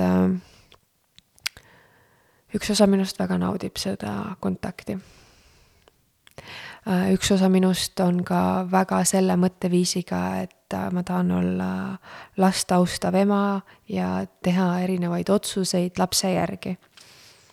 ma t-, nagu tänaseni olen seda teinud, ma olen äh, magamis, üldse, mis puudutab magamist, on ju, ta magab minuga äh, voodis, elukaaslane magab üldse teises toas. meil oli täpselt samamoodi. ja see, see toimib meile, ma olen üldse nagu lapse kasvatamise juures äh, veendumusel, et tee seda, mis sinu perele sobib, on ju. Ja, ja täna see kõik sobib. aga ma tunnen, mingi osa natukene minust tunneb, et ma hakkan väsima. ja nüüd ma olengi lihtsalt sellise nagu dilemma ees, et mida ma teen sest et nagu see armastav ema minust tahaks, äh, et Aaria teeks selle otsuse aga kas sa imetad päeval ka või? okei okay,, mul oli, ma ei tea, kas ma või, tahad, ma räägin sulle, sest et mul oli väga-väga, väga, räägi, nagu mhm. kuulaks iseennast ähm,. Min-, meil oli niimoodi, et äh, Sassu jäi mul kogu aeg dissiga magama, nagu konkreetselt mina läksingi kell üheksa õhtul jah, ma läksin voodisse äh,, mis võib-olla kõlab teiste inimeste jaoks nagu, et no you are loco, on ju, aga mina ei viitsinud mingi tõmmelda, on ju, ja me läksime koos ja tema jäi dissi otsa magama, ma olin veits aega telefonis, mida iganes. Ja aga siis ma nagu üks hetk otsustasin, mul on nagu kõik käinud nagu päevapealt, otsustasin, et aga täna vot ma ei anna päeval nagu dissi. et äh, ja mul ei olnud nagu seda ka, et otseselt nagu mingi nõuaks seda nagu mm. ja siis umbes kaks kuud vist ma arvan, ma, mina jätsingi üksteistkümnendal kuul umbes jätsin äh, ära päevaldissi ja ma paar korda proovisin nagu, et ma öösel ei anna, aga siis ma ikkagi ka nagu vandusin alla sellele või kuidagi äh, mina tahtsin magada ja ma ei ole kunagi viitsinud mingi, et okei okay,, las ta karjub mingi tund aega, ei, minu jaoks on minu uni minu jaoks tähtsam e. ja siis me mõnulasime ja no mina küll ütlen seda, et mina veits tundsin ühiskondlikku survet ka. et jah, minus oli üks osa see, et ma ise ei jaksanud enam, et ma tundsin, et aasta aega hakkab täis saama, ma ei jaksa enam äh, olla mingi kümme korda öösel üleval mm. -hmm. Äh, mis sest, et see on nagu mingi viivuks, on ju mm, -hmm. paned dissi tagasi otsa ja jääd magama. no kõik uni on hakitud. jaa. ja siis ma noh, ütlen, et ma tundsin seda ühiskondlikku survet ka tugevalt, et mul ema mingi pidevalt küsis, et noh, et kas asju saab ikka rinda öösiti mm. ja siis ma olin nagu mingi mm -hmm. ja siis lihtsalt konkreetselt üks õhtu ma olin vist nii magamata jälle olnud, et äh, ma ütlesin, et davai, et sassi juba lähen enda voodisse. ja ma olin kuidagi valmis nagu hästi suureks nagu nutuks aga minu üllatuseks läks see nagu pool tundi, et nagu kui ma olin aasta aega reaalselt nagu tissi otsas nagu pannud magama, siis seekord ma tegin niimoodi, et ma nagu lihtsalt terve aeg paitasin, et minu jaoks, ma tean kohe ära, ei toimiks kunagi see, et ma jätan lapse nagu karjuma ja nutma. ma ei ole seda äh, selle pooldaja absoluutselt, ma võiksin sellest ka veel mingi eraldi podcast'i teha. ja noh, mul on täpselt samamoodi, et mina seda ei suuda, et äh, maks kolm minutit ja okei okay,, las ta siis korra, aga ma ikkagi ei suuda seda siiamaani teha. ja ärkas kuus korda öösel ülesse, ma vist, aga ta jäi kohe magama, et ta nagu, mulle nagu jäigi mulje nagu kõik, kõige selle juures, et ma olin ka varem üritanud ju, on ju, aga ma andsin alati alla, sest mm -hmm. ta ikkagi ärkas. et mulle tundus nagu, et Sassu oli valmis ja mina olin valmis. jaa, see väga, ma ootasin, kas sa nagu mainid seda, tegelikult seal ongi nagu see, et äh, laps võib-olla on juba ammu valmis. aga ema ei ole valmis. jah, ja ma tunnengi, et mm, mina vist ikkagi täna ma ei tea, ma vist ei ole valmis. meil vahepeal oli jumalast nagu niimoodi, et äh, noh, tema voodi oli suure voodi kõrval ja esimene uni ta magas, noh, ööuni mm -hmm. siis on ju, ta magas enda voodis mm. -hmm. ehk siis me tegime unerutiini ära ja siis ma panin teda voodisse ja ta kuni viisteist minutit seal niheles, tsiples, ma ei tea, mis iganes, aga nagu ilma nututa jäi, jäi tuttu. ja siis magas seal mingi umbes kaks tundi, ärkas üles, aga selleks ajaks oli juba kell umbes noh, minu, minu uneaeg ka. ja siis ma juba võtsin ta endale voodisse ja edasi noh, öö läbi rinnaga, on ju. ja siis käis mingisugune switch mm. -hmm ja ta ei olnud nõus enam oma yeah. voodis magama yeah. ja mina ei olnud valmis ka selleks, et ma hakkan teda kuidagi sundima, sundima ja, ja siis me jätkasime nii nagu, nagu muidu, et ma siis tegin talle mingi hullu barrikaadi lihtsalt nagu voodis äh, ette, et kui ta ärkab, sest et ta ju selleks hetkeks oli juba nagu liikuma hakanud. et, äh, et ta lihtsalt voodist alla ei lendaks, on ju, see oli noh, põhimõtteliselt see oli ainus põhjus, miks ma tahtsin teda panna tema enda voodisse yeah. magama, et oleks see turvatunne.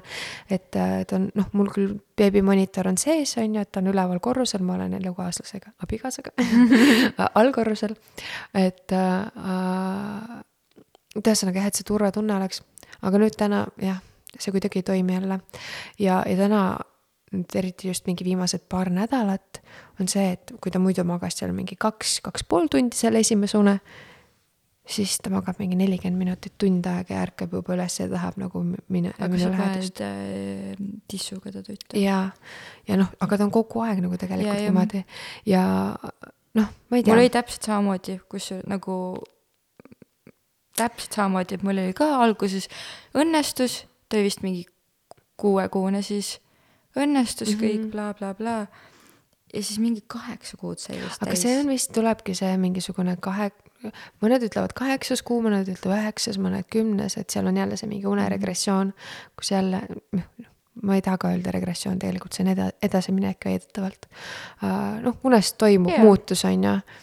Mm, ja siis uh, jah, sa nagu alustad uuesti no see on areng, nagu ajustub, muutub nii palju kogu aeg mm, -hmm. et mhm. eks see on arusaadav, aga.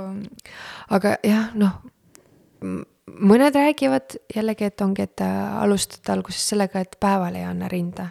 teised räägivad, et alustad ikkagi sellest, et öösel ei anna rinda. ja mina olin ka kuulnud pigem seda ööst varianti, aga aga, aga no, vaata, sa ise arvutistiga tead, teed nii, nagu su perele toimib. aga noh, meil, meil on nagu see, et äh, nüüd alles Aaria hakkab huvi tundma näputoidu vastu äh,. et äh, püreedega so-so vahepeal täiega sööb, vahepeal ei taha üldse. ja nüüd äh, ma ei tea, podcast'i väliselt vist rääkisin sellest, kuidas ta oli minu ema juures esimest korda niimoodi neli tundi ilma minu ja Laurita. ja see natukene vist traumeeris teda ja pärast seda ta on olnud hästi nagu memmekas nii-öelda, mul ei meeldi see sõna, aga ma ei leia paremat praegu Äh, ja, ja sa ütlesid, et sul see asju umbes ei otsi dissi, aga mul nüüd just enne ei ole olnud, aga nüüd turnib mulle otsa ja kisub nagu särgist. et ma lihtsalt võtangi, et okei okay,, nüüd meil on praegu lihtsalt selline periood, kus äh, ta tahab hästi lähedust.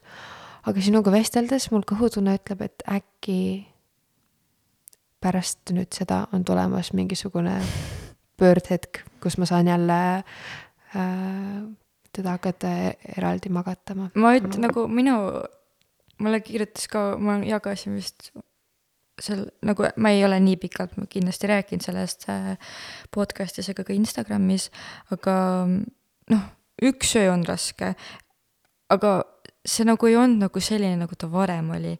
et see oli nagu selline, et ärkas mingiks maksimaalselt viieks minutiks, siis ma läksin lihtsalt paitsin selga, ütlesin emme on siin, emme on siin. Ja tee kohe uuesti magama. Mm. Et see nagu andis ka mulle nagu märku, et aga praegu on õige järelikult mm. -hmm. et kui eelnevad korrad ma nagu mingi sunniviisiliselt võib-olla tõesti proovisin viisteist, kolmkümmend minutit ja ta ei jäänud ja mina andsin alla, mina ei viitsinud seal mingi. aga seal ongi nagu vaata see, et ongi, sa pead olema selleks valmis ja, ja. sa ei tohiks seda teha tegelikult äh, niimoodi, et aa, sul on mingi mega kehv öö olnud ja, ja siis otsustad, et nüüd, sellepärast et sa oled selle kehva öö järel selline, sa oled kärsitu, sa oled väsinud ja laps tunnetab seda, ta tunnetab, et sa ei pane teda sinna voodisse magama selle emaliku armastusega, vaid selle kärsitusega, et ah, sa võiksid juba jääda magama, on ju. Et siis ei toimigi, siis laps ärkabki kogu aeg ilmselt nagu nutuga ülesse.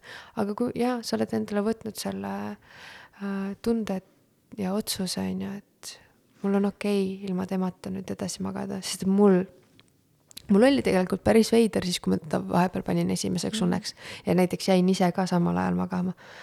mul oli ikka nagu väga ebamugav üksinda magada. ei, aga mul on näiteks äh, mm, ma ikkagi vahepeal tõun-, ärkab öösel üles äh, äh, ma ei viitsi sealt hiilida välja, ma võtan ta enda kõrvale mm. ja jah, ta ei saa mul dissi, aga nagu mm, -hmm. mm, seda ei ole iga öö, seda on kord nädalas võib-olla mm -hmm. ja mul on ka mõnus või nagu ma ei hakka väitma, nagu ma tean, et osadel naistel nagu äh, ei meeldi koos lapsega magada, mis on totally fine yeah., ma ütleks, et kus su no, jõuame jälle sellele, mis sinu perele sobib, on ju. aga ei tohiks ka nagu mutta talluda neid naisi, kes ütlevad, et aga mulle meeldib enda lapsega koos magada mm, -hmm. sest et äh, minule meeldib, mul magab mingi kass seal ja mina magan oma lapsega ja mm. -hmm. jah, meil äh, noh, alguses oli, oli need esimesed mingi neli kuud oli niimoodi, et me magasime neljakesi, mina, Lauri, koel Ruudi ja siis Aarja, magasime kõik ühes voodis. aga siis oli meil äh, ehitus käimas ja meil oli ka madrats lihtsalt maas nii et nagu to- mm, -hmm. totaalselt nagu turvaline. aga, aga siis me kolisime teisele korrusele magamistuppa ja mäletan, et noh, oligi Aarel see neljanda kuu uneregressioon, päris niisugune raske aeg oli nagu, kus ta väga tihti ärkas uh,. ja, ja siis Lauril oli a la järgmine päev mingisugune tähtis tööasi tulemas varahommikul ja siis ma ütlesin, kuule, mine teise tuppa et mine külaliste tuppa, maga ennast rahulikult välja, me saame hakkama. järgmine hommik siis ärkame üles, Laur on mingi, ei, ma küsisin talt, et kuidas magasid, ütles, aa väga hästi. siis küsis vastu mult, et kuidas te magasite, ütlesin väga hästi.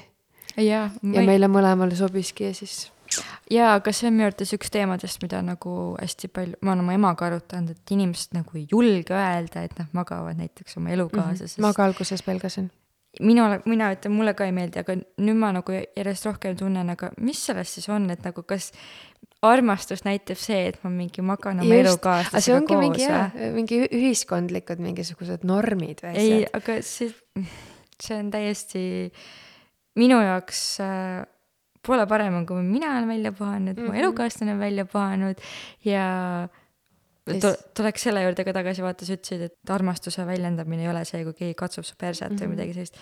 täpselt, et äh, mul elukaaslane, mul üks päev juuksed mega sassis, ta kammis mu juukseid mm. ma vist ei ole nagu elus rohkem armastust tundnud, ta oli nagu, et issand, kallis, et ma kammin ise su juukseid. ma olin mingi, mida? nii armas, nii armas jah, ma, ikkagi, see, see, et me koos magame, sa võid oma, ma ei tea, mingi vihatuma inimesega kõrvuti magada. see ei, see ei näita armastust ju. ja, ja täiesti, täiesti nõus ja mulle just meeldibki see mõte, et ongi, et te olete mõlemad puhanud ja, ja siis nagu päevasel ajal on palju rohkem seda armastust teine yeah. teineteisele anda. ja paljud mult küsivad ka, et et kuidas nagu peale lapse tulekut umbes mingit kvaliteetaega tagasi saada või mingi umbes suhet erksana hoida. ja see on mulle nagu veider küsimus alati, sest et mulle tundub, et aga, et aga mis nagu muutub siis või nagu meil on näiteks see, et ongi nagu selle asemel siis, et me õhtul teineteise kaisu magama lähme, ma panen Aaria magama ja siis ma lähen alla diivanile ja siis me kaisutame seal. jaa, äh, ma küll ei hakka siin seda puudutama, aga näiteks meil oli eelmises osas rääkisime intiimelust ja seal meie külaline ütleb, et äh, ütles, et äh, kuidas ta ütleski, et aa, et ta ei leia, et nagu, et see on enam spontaanne.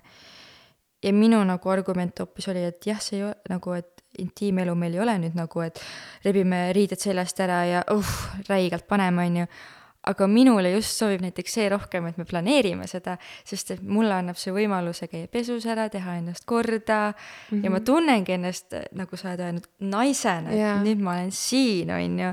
Versus see, et keegi tuleb, mul on mingi megarõvedad äh, juuksed ja õlipats ja, ja. jaa. et, äh, ma olen nõus. et nagu minu jaoks on see planeerimine kõvasti nagu seksikam, jah, et äh, ei, ma olen nõus. Et ei tohiks nagu lasta nende ühiskondlikel äh, äh, normidel ennast segada ja ka täpselt nagu sa ütlesid, et sa pelgasid algusest rääkida. ma arvan, tegelikult on nii palju inimesi, kes nagu pelgavad sellest rääkida, sest et sa kardad, et keegi paneb su kuhugi risti mm. -hmm. see on asi, mida ma olen äh, nagu nüüd õppinud äh, sotsiaalmeediaga erinevatel teemadel olemagi aus ja avameelne, sest et äh, noh, see ei puuduta ainult äh, lapsevanemlust, vaid erinevaid teemasid, mida ma seal kajastan. nii hea tunne ongi, kui keegi tuleb ja ütleb, et "Ah, ma arvasin, et ma olen üksinda sellega ja see annabki seda julgustust, et äh, miks nagu avameelselt mingitel teemadel rääkida. või üldse kõigest avameelselt rääkida. Ja et nagu kindlasti on vaata teemasid, millega sa ise paned nagu piiri, et, et äh, sellel teemal mina ei taha rääkida, aga kui sa nagu oled otsuse teinud, et äh, et vot sellel teemal ma just rääkida tahan, siis nagu tohiks, tuleks. ja noh, ja noh, teemad, millest rääkida või mitte, et seal oleneb ka hästi palju see, et kas see puudutab ainult sind või on Jaa. keegi teine ka mängus, on ju, et näiteks ma nagu väga äh, avameelselt võin rääkida oma depressioonist ja vaimsetest äh, teemadest, on ju, aga noh, ongi, oma magamistuppa ma ei lase kedagi, jaa, aga see on täiesti õige. jaa, vot, aga jah, uni on meil niisugune, nagu ta on, vaatame, noh, vot see on, see on see koht, kus ma pr- proovin olla hästi äh, last arvestav ikkagi. aga Aga mul on tunned- nüüd suvel, sorry, mul on suvel tulemas äh, äh, Island Soundi festival ja ma väga huviga ootan, mis äh, selleks hetkeks, mis seis on, sest et ma lähen sinna üksi Lähed üksi? Äh, ja elukaaslane tuleb Saaremaale küll kaasa, aga ma nagu festivalile lähen üksi, nii et äh, siis. ja viimane kord, kui ma käisin, siis ma olin nagu pigem selle festivali päevases osas, nii et äh, kui äh, Aaria unega on niimoodi, et ta vajab äh, mind seal, et oleksin kõrval, siis ilmselt ka olen selles äh, päevases osas, aga kui Aaria tundub hästi, siis võite nä näha mind äkki võib-olla näpud püsti öösel. Sa hakkasid midagi ütlema, jah? ma ei mäleta. Ma pigem, aa jaa, et äh, aga sa tunned, et nagu sa ütled, et sa oled hästi la- last arvestav, aga kas sa oled natuke kurb ka, et noh, et sa ei saagi und, kui ma leian, et uni on väga-väga oluline asi ja äh, Äh, no vaata jah, sa ütlesid ka onju, et hakitud või noh, mõlemad nõustusime, et hakitud uni ei ole kõige kvaliteetsem uni. aga üks hetk nagu see nais, naine harjub ära sellega jah, ja nagu ma tegelikult olen ära harjunud uh, üldjuhul on nagu öösel nagu ongi see, et ärkab korraks üles, on ju, nutuga või ilma, et, et ma annan talle rinda, ta uinub hästi kiiresti mm. -hmm. kui vahel tulevad sellised ööd ette, kus äh, ta ei uinu kiiresti mm. -hmm. Siis nendele järgnevad päevad ma olen väsinud ja siis ma kirun ja siis ma mõtlen, et aa, raske on, on ju. Aga muidu ma toimin päris hästi ka selle vähese unega ja kui on, ongi see keerulisem öö, siis ma lähen sellist sorakil juustega sinna kõrvaltuppa, teen selle külaliste toa lahti ja ütlen Lauri, siis ta saab aru, ahah, et noh, mul on hästi vedanud Lauriga see, et ta on nagu ka kodune isa, et ta käib äh, harva nagu linnas tööasjade pärast mm,. ja siis ta annabki mulle selle võimaluse, et ta on hommikul siis ise aariaga ja ma magan ennast siis välja või magan ennast värskemaks. ja kindlasti rõhutan, üliokei on päeval koos lapsega magada. ja, ja, ja kindlasti, kindlasti. et äh, esimestel kuudel oli aariaga üldse see, et äh, mingi kolmas-neljas kuu päevased uned ta tegi ainult minu peal. niimoodi, et ma olin selili ja ta oli mul äh, siin rinna peal ja muud moodi ta ei maganud, ainult niimoodi. no okei okay,, natuke loed seal raamatut või scroll'id te telefoni, aga ikka nagu igavaks muutub see asi ja tüütuks on ju ja siis ma magasin temaga hästi palju niimoodi. see, kusjuures päevastest unedest läks ka nagu öösel, et ma saingi öösel ainult niimoodi magada, et ta magas minu peal. mingi kuu aega oli niimoodi see on see nii-öelda neljas trimester, vaata mm. mm. -hmm. meil oli väga, see on vist väga paljudel tegelikult, et äh, aga see on nagu vaata mingid teemad, millest äh, ma varem ei olnud ja, ja, ja ja täpselt. minu jaoks on näiteks hästi suur teema, et keegi ei ütle seda, et äh, sa ei ole mitte kunagi ilma mureta või nagu ma ei tea, kas sa saad aru, mis ma mõtlen, aga konstantselt sa ikkagi mõtled nagu, et kas tal on kõik hästi mm. -hmm. minul on hästi suur süütunne pidevalt Jah. et kui ma ära lähen kodust, Jah. et äh, mis mõttes ma nüüd ära lähen, et noh, Mhm. siia Tallinnasse ka, ma olen kaksteist tundi eemal nüüd.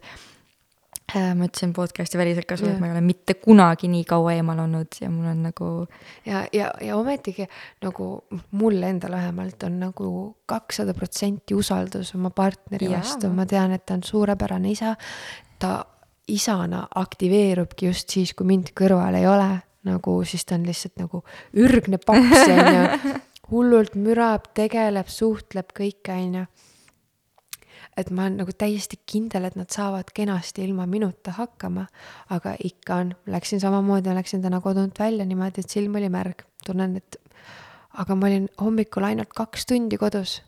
ma ei saanud selle kahe tunni jooksul üldse aariaga olla, ma tegin süüa, ma tegin ennast korda, ma umbes valmistasin ette ja siis mul oli see mingisugune kakskümmend minutit, kus ma imetasin teda ja siis lõpus, kui ma olin juba riidesse pannud ennast, et siis ma kustutasin ja kallistasin teda, onju. aga jaa, süütunne on räige ja teine asi on see ongi, et kas ma teen kõike õigesti.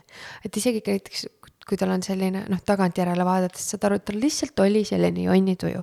ta sõi korralikult, ta magas korralikult, aga ta oli üleval ja siis tal oli jonnituju. et äh, noh, mingi aja peale sa emana tunned selle nutu hää- hääle ju ka ära, et saad Jaa, aru, et mis on valunutt ja mis on siukene, et mul lihtsalt on mingid emotsioonid, mis ma tahan välja nutta ja, nutta, onju aga iseendaga on ju samamoodi tegelikult. noh, täpselt on ju. ja, ja siis sa nagu, sa tegelikult kuuled ära, et see on lihtsalt selline, no ma tahan mingisuguseid tujusid välja nutta, nutta on ju. aga emal on alati seal kõrval. mis ma nüüd valesti olen teinud?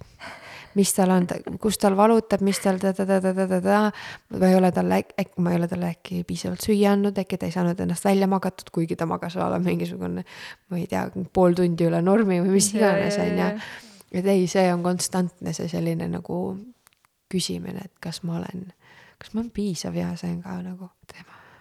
ma arvan, et see on normaalne. jaa, aga nagu sa ütlesid, siis keegi ei räägi sellest kunagi. Jah, ei räägita, et sa jah. nagu, kas siis sünnitusel või nagu või no ma ei tea, kas sina teadsid näiteks seda, et peale sünnitust on normaalne kuu aega lihtsalt nagu veritseda või noh, et vaata, mäletad hästi palju veri mm., verd, mm. -hmm, tuli jah. mina ei teadnud selliseid asju varem. tead sa, ma isegi ei mäleta. mul oli sellega üldse teema mm,. mul oli sellega, ei, ma veritsesin ka päris palju ja ma veritsesin vahepeal niimoodi, et mul tuli nagu klompidena Mm -hmm.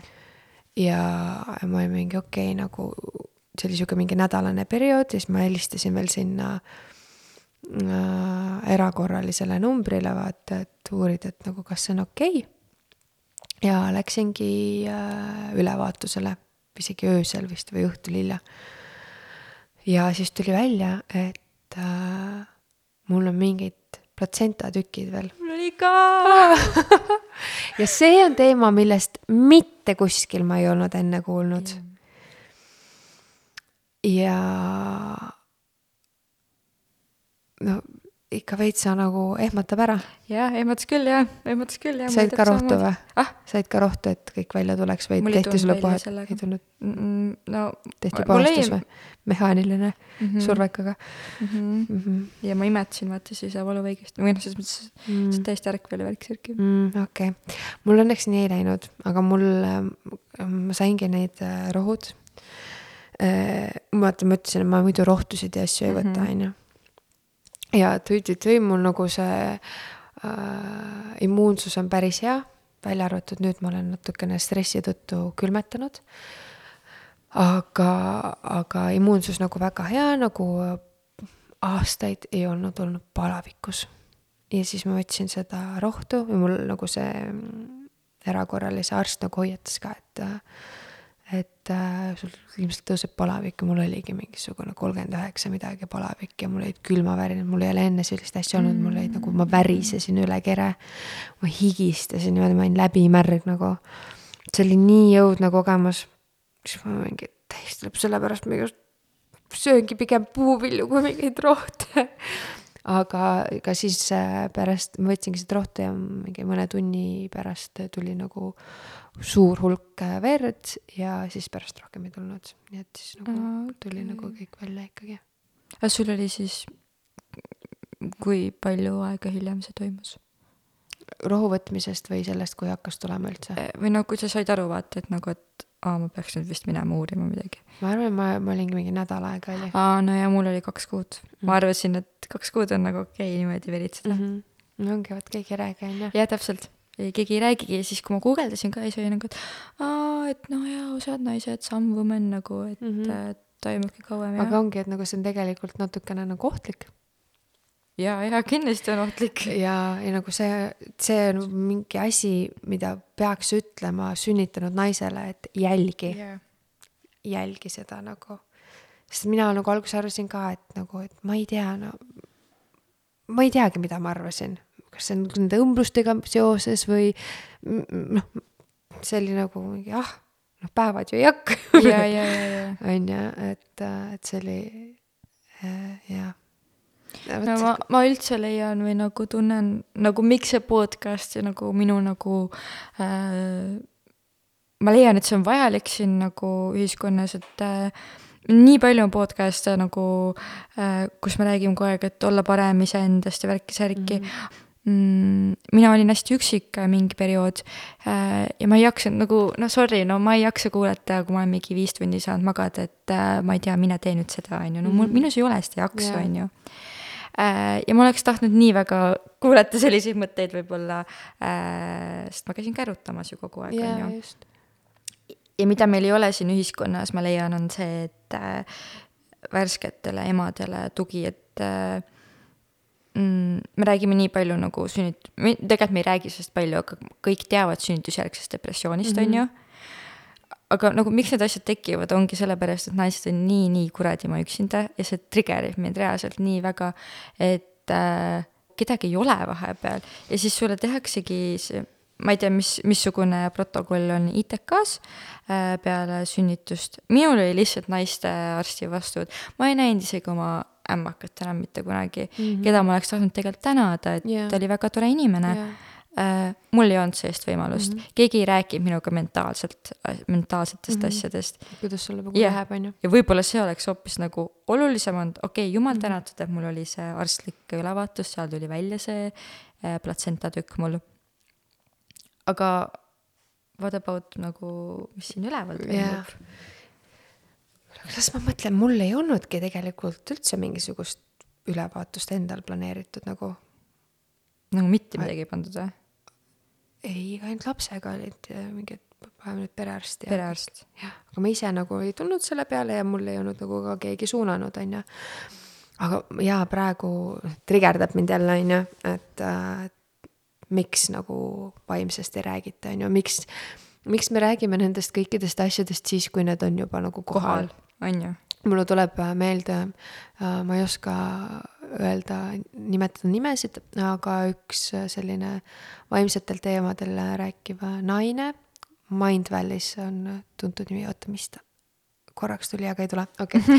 igal juhul äh, enne, kui üldse ma teadsin, et ma rase olen äh,, ma sattusin kuulama tema ühte Youtube'i klippi, kus ta rääkis äh, siis sellest, kuidas äh, tema äh, kogemus oli pärast siis sünnitamist. ja ta oli, äh, ta oli haiglas ja ühispalatis ja siis äh, õde tuli ringi tegema jagas seal erinevaid asju ja jagas siis neid Kleenexi, neid salv-, salvrätikud on ju, jagas kõigile neid. ja siis äh, naisterahvas oli, et miks te neid jagate? Aga te hakkate varsti nutma, et sünnitusjärgne depressioon. siis ta ütles, et mis asja, mina tahan äkki, et mul on sünnitusjärgne eufooria yeah. viskas need salvakapakid ära ja põhimõtteliselt pakkis ennast kohe kokku seal ja läks lihtsalt haiglast minema äh,. Läks koju ja siis äh, noh, siis talle nagu kirjutati see nagu kodune nii-öelda järelevalvearst on ju, kes tuleb kontrollima, et muidu oleks seal kohapeal teda kontrollitud, aga siis tuldi sinna, on ju. Aga ta ei tahtnud kodus üksi olla ja sõitis umbes kõrvallinna ema juurde, et noh, company on ju, et on, on keegi nagu yeah, kõrval yeah. olemas. ja siis äh, järelevalve tuli siis talle sinna ema juurde. ja olid mingid, aga kuidas sa siia tulid? mis mõttes, kuidas, autoga? autoga tulid nagu umbes, et mingi vähem kui ma ei tea, mis aeg peale sünnitust. kas sa ei ole kuulnud sellisest asjast, robustselt tõlgin umbes eesti keelde, et äh, äh, ema aju on ju, või see mom brain on ju, et äh, sa ei tohiks autoga sõita, et sa ei ole nagu selleks konditsioonis, et autoga sõita, et, äh, et noh, et sul on pilt ja aju on hägune ja su tähelepanu ei ole nii kõrgel ja nii, on ju. ja siis see naine ütles, et jumal tänatud, et ma ei ole kuulnud sellisest asjast.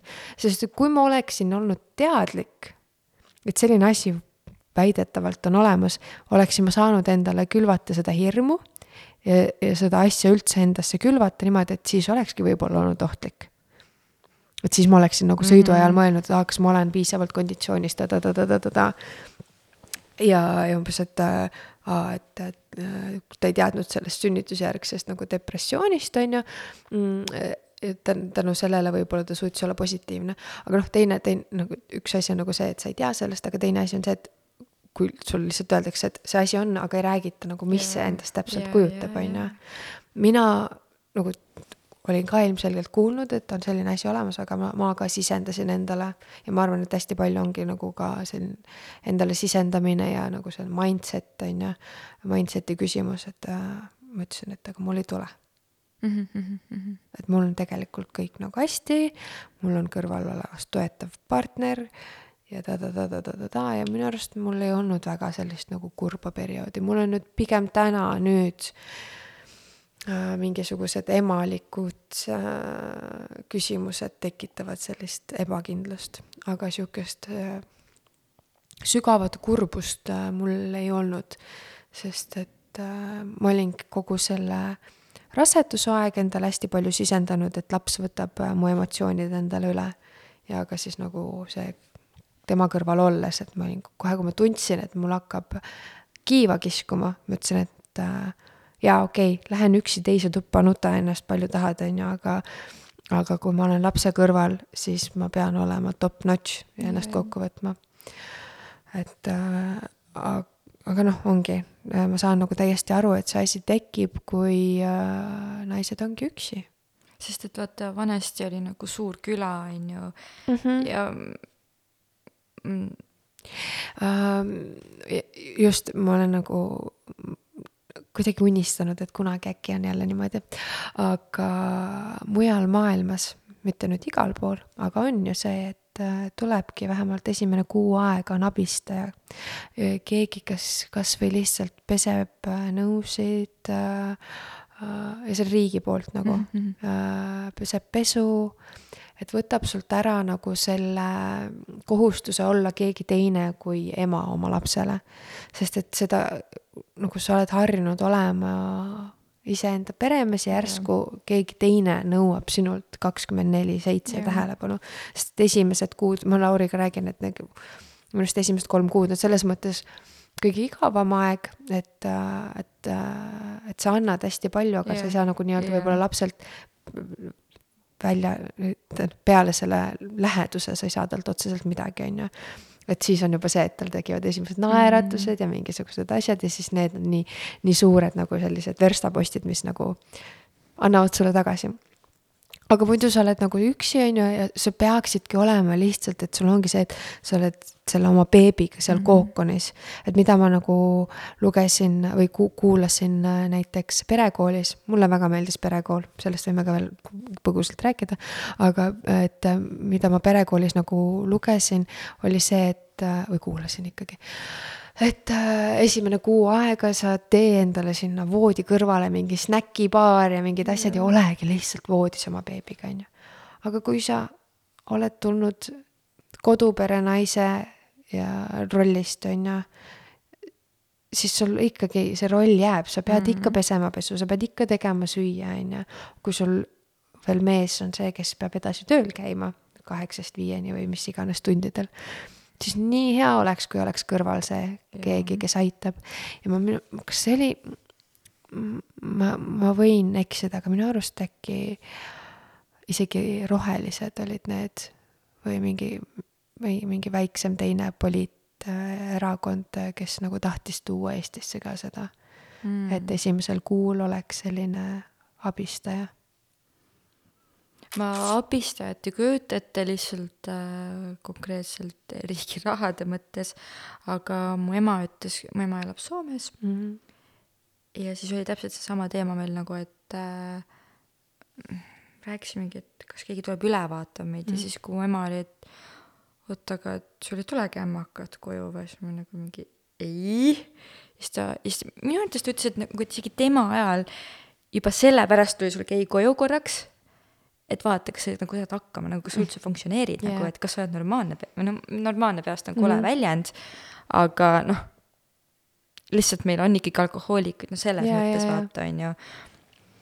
ja siis ma olin mingi ei, kedagi mm -hmm. ei tule ja aga ta ütles jah, et Soomes minu arvates keegi käib korraks ikka, vaatab üle sind ja noh, teema, millest ka ei räägita nagu selle samaga seoses ongi üldse see nii-öelda neljas trimester. jaa nüüd just ma vaatasin äkki Baby Love, see pood ja mm -hmm. neil on, teevad igasuguseid mingi joogasid ja asju nüüd ka nagu nii jah, rasedatele ja igasugused töötoad ja nad vist hakkavad tegema äh, mingit loengusarja või mingit töötuba või vestlusõhtuid äh, seoses neljanda trimestriga. et siis ma mingi, vähemalt keegi nüüd nagu. jaa, mina ka ei olnud varem kuulnud mm. -hmm. ma ei saanud aru, mis see, või noh, ma nii paljudest asjadest ei räägita ja, ja see on kurb, et äh, vot, aga tead, meil on tegelikult fänniküsimusi ah, ka. fänniküsimusi ka, hästi. Mm -hmm aga mis ma, ma, niikaua kui sa võtad need ette, ma ütlengi selle perekooliga on ka vaata hästi fifty-fifty, et mõned ütlevad, see on täiesti mõttetu, on ju. aga minu jaoks oli perekool selles mõttes hästi vajalik, et ma sain aru naise anatoomiast ja sünnitamise ja. nagu, et kuidas see protsess kõik käib. ja see võttis mult ka ära hirmust, ma sain aru, et ahah, kuidas see avanemine kõik toimub ja lapse liikumine ja, ja meie omavaheline koostöö ja see ka oli võib-olla põhjus, miks see sünnitegevus kõik hästi mm -hmm. ruttu käis mm -hmm. ja oks-, rohkem oli oksüdatsiooni, oksüdatsiini ja vähem oli adrenaliini. nii, fännid, kuulan. Äh, siin on nagu teema, et sa võiksid rääkida riidest, mähkmetest. ma ei tea. Ah, ja ma arvan, me täna sellel teemal niivõrd ei peatu, ma olen äh, riidest, mähkmetest teinud enda Instagramis eraldi postituse, selle leiab ilusti ülesse, ma olen Äh, riidest mähkmed ka valge seina ees ja, ja ma vastasin korduma kippuvatele küsimustele, nendest leiab highlights'i mul. kas sa kasutad öösel ka või? Äh, praegu ma öösel ei kasuta, täitsa ausalt ütlen.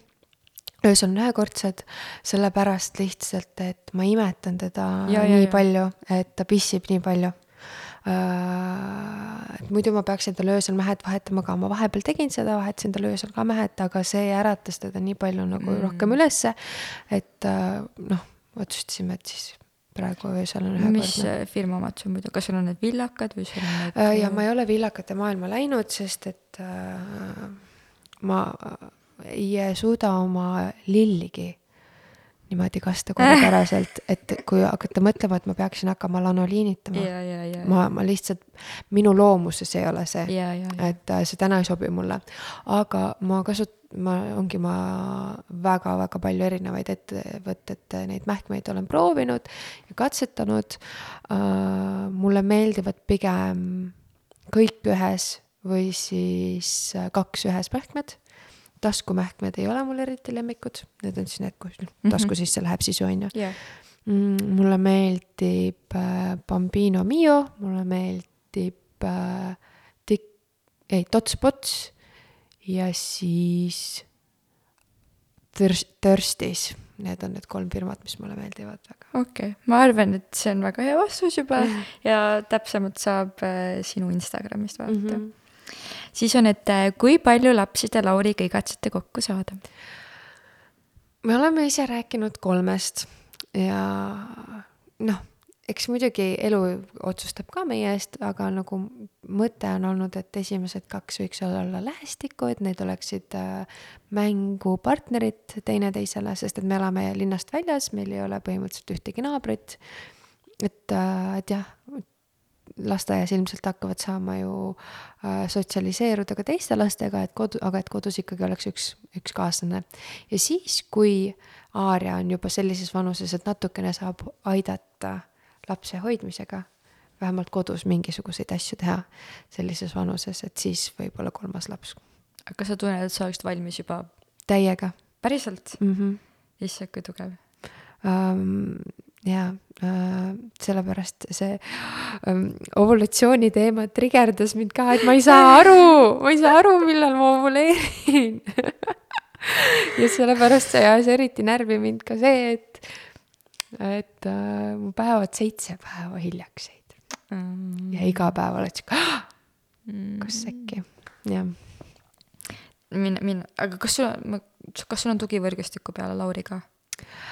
Teoorias on, aga ma olen väga-väga raske isegi halb küsija, vaid halb vastuvõtja, mulle pakutakse, Aa. aga ma äh,. nii palju võib-olla ma oleksin nagu nõus, et äh, jalutage Aarja magama, aga kuidagi jah, ma, ma, ma õpin seda, sest ma, ma, ma tean, ma olen endaga seda nagu vestlust veidi pidanud, et kui teine laps tuleb, siis ma pean rohkem seda abi lubama endale jah, ma arvan kindlasti. aga, aga jah, täna ma nagu.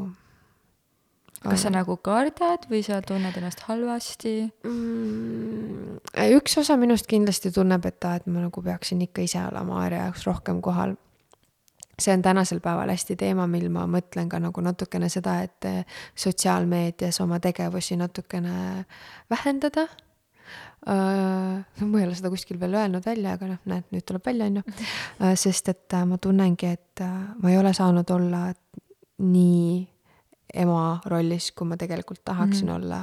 et äh, väga palju vist ei ole nagu tegelikult, noh, on küll väga ambitsioonikad ja karjäärinaised, kes äh, väga ruttu lähevad tööle tagasi, on ju.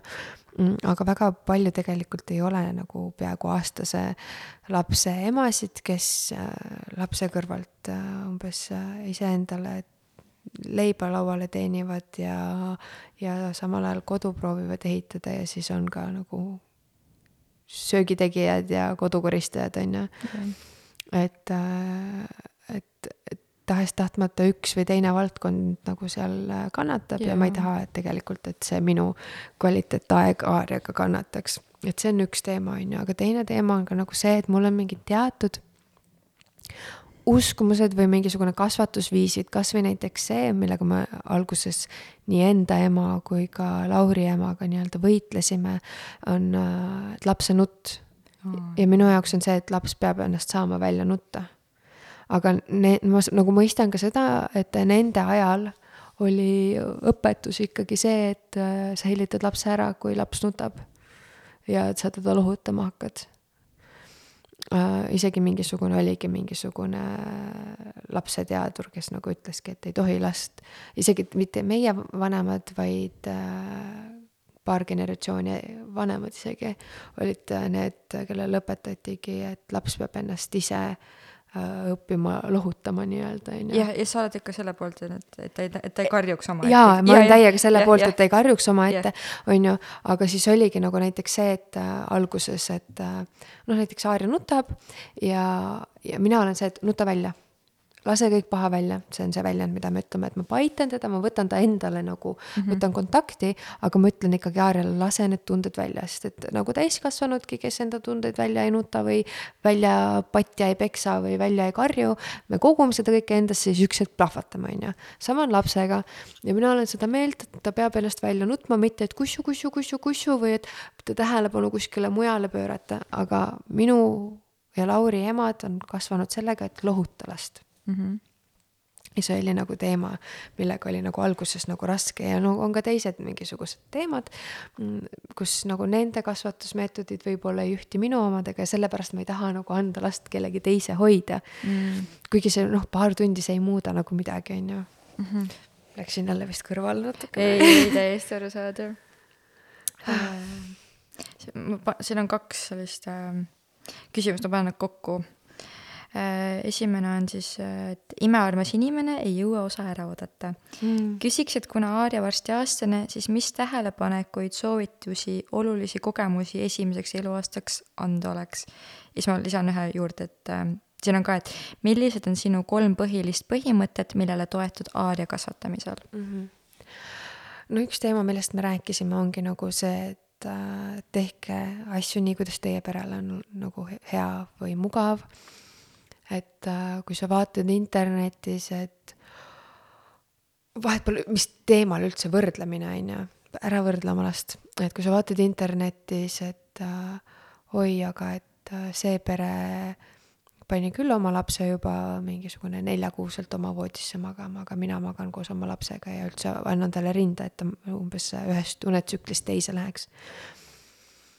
et äh, tee seda, kuidas sa tunned, kuidas see ürgne ema sinu sees ütleb, et on õige.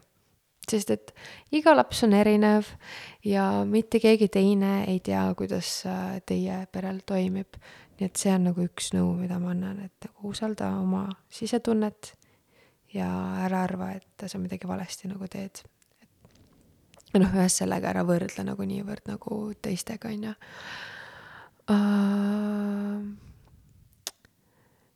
siis hmm.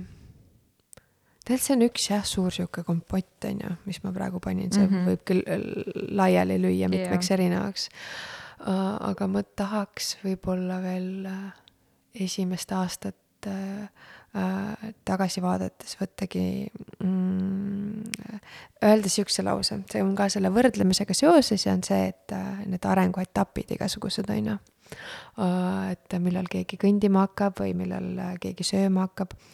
Äh, üks asi on see, et issand, ma mõte juba läks nii kaugele, okei okay,, tulen tagasi. üks asi, mis puudutab näiteks toi-, toitumist, mis mulle üks jälgija ütles, on see, et esimene eluaasta mis näputoit ja mis iganes on ju, lisatoit, on lapsel sellega tutvumiseks mm, -hmm. it's for fun mina arvasin, et ahah, kuus kuud on täis, ta peab nüüd sööma püreed. ja jumalast nagu noh, oli jälle sihuke emalik ebakindlus, kui ta ei tahtnud nagu. et äh, esimest eluaastat võtaksin kokku sellega, et see on jumalast okei okay,, kui sinu laps tahab ainult sinu tissi, sellepärast et see on maailma kõige parem asi üldse. mõtle, sa oled terve äh, mingi aasta aega saanud jäätise kokteili süüa, on ju, nii nämmakas ja siis sulle antakse mingi porgandipüreed, noh. kas sa oled ise proovinud enda rinnapiima või? ei. ma proovisin hästi väikse ja see on väga magus väga, väga, väga. et see on mingi teema, mis ma, ma tean, hästi paljud teevad ja see on jumala okei okay, nagu, nagu go for it, mehed imevad naistel ka piima nagu naised teevad meestele oma piimaga kohvi nagu igast asju tehakse, you do you. aga, aga äh, mina ei ole. Lauri on äh, ainult äh, juhuse läbi vist kogemata äh,. igal juhul äh, üks oli see, toitumise teema, aga mis ma tahtsin veel ka ah,, see teine, teine asi, mis ma tahtsin aasta kohta veel öelda, on see, et äh, see, kas sinu laps hakkab käima kümnekuuselt või ta hakkab käima kuu või aasta ja mingi, ma ei tea, viiekuuselt. see ei näita seda, kui hästi ta oskab kõndida kahekümne viie aastaselt. et see ei tee temast mingit prodigy't ja see on asi, mis mind ka hästi nagu trigerdab see võrdlemine ja nagu mul oli nagu ka isegi ka, ka suguvõsas meil nagu küsitakse, kas ta juba seda teeb, kas ta juba seda teeb, aga meil ikka see juba selles vanuses tegi seda ja seda, on ju. et ma ei tea, kas see on nagu lihtsalt niisugune hu huvi äh, nii-öelda täitmine, on ju, et sa tahad lihtsalt teada ja võrrelda, on ju, mingi huvi pärast, või see on see, et sa tahad tunda ennast paremini või sa tahad, mis puudutab vanemaid generatsioone, et ah, meie peres oleks mingi prodigy. ja, ja, ja ma arvan, mulle tundub, et meie vanused nagu nii väga ei võrdlegi enam. et see tundub nagu on mingi vanemate inimeste teema. Aga see on omaette teema tegelikult. Mm. Siis siin oli üks küsimus, et äh, olen aru saanud, soovite lapsi väikese vahega, aga sellele sa vastasid ära juba. Ja noh, vist kõige-kõige raskem, et mida on emaks olemine sulle kõige rohkem õpetanud? oh jah, ma ei, mul küsitakse seda Instagramis ka vahel, kui ma neid äh, Q&A kaste teen ja mm, ma, ma vist ei olegi sellele küsimusele väga nagu vastanud. see on keeruline küsimus ma tahaks öelda kannatlikkust, sest mingil määral on, aga samas, kui sa oled magamata näljane, pesemata, kasimata, siis nagu ärge tulge mulle mingisugusest kannatlikkusest rääkima. Äh, ma võin ka oma maailmast mitte midagi veel aru saava üheteistkuuse lapse peale pahandada. kuigi tema ei ole mitte milleski süüdi, see on ise minul endal on karikas tühi, ma olen näljane ja ma ütlesin, et pesemata, on ju, vastik on olla unine. Äh, et äh, ma noh, ongi noh, kui me räägime kannatlikkusest, et ma võin nagu kergesti anda alla, kui ta oma tavapärase viieteist minuti asemel läheb üle see une, magama jäämine, on ju. Siis ma, ma ei ole kannalik, kannatlik. aga, aga, aga tegelikult, tegelikult need head päevad või nagu need, ma ütleks isegi tavalised päevad, kus mul on kõik karikad on täis, siis äh, ma olen kannatlik mul ei ole enamus juhtudel kuskile kiiret. ma olen äh, selles mõttes, oskan olla kohal, et üks asi, mis me viimasel ajal just praktiseerime, on äh, mähkmevahetus, äh, et ollagi seal hästi kohal ja hästi rahulikult teha, et see ei ole sihuke siuh-siauh, tahan kiiresti, vaid ongi, rahulikult pepu puhtaks ja, ja räägin talle samal ajal, panen sulle mähkme jalga ja võib-olla annan talle valida, millist ta tahab, on ju. rahulikult panen teda riidesse, mulle hästi meeldib ähm, äh, see ei ole nüüd äh, võrdlemiseks, vaid lihtsalt äh, see on nagu aitäh sulle, Aaria, selle eest, et ta hästi varakult hakkas aitama ennast riidesse panna. ehk siis kätt äh, sirgeks sirutama, kui käsi varuka otsa, otsa sisse läks, on ju.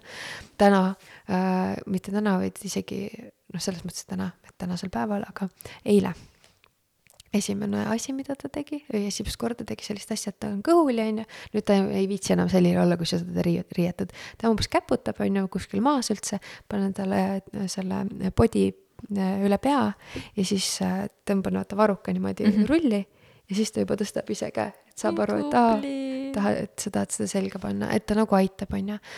et äh, sellist kohalolu on õpetanud äh, ta on õpetanud mulle tingimusteta armastust mm. -hmm. et äh, partnerlussuhtes ma ei ole osanud sellist asja. aga Aarja puhul on ikka küll nagu, et äh, ma võin olla magamata, ta on võinud öö, öö otsa a la nutta, mis iganes aga siis hommikul sa ärkad ja siis ta vaatab sind oma armsate inglisilmadega ja sa oled lihtsalt nagu mul on jumalast ükskõik, et sa öösel ei maganud ja ma sellepärast väsinud olen nagu, ma armastan sind nagu kõige rohkem üldse ilmas. see on üks asi, mis ma mõtlen, et nagu kui äh, teine laps kunagi tuleb. kuidas ma saan armastada teist last veel sealt kõrvalt sama palju, ütlevad kõik emad, saad, uus mingisugune pagas seda armastust tekib aga, aga täna ma ja tingimusteta armastus. mis sa ise lisada, lisada oskaksid?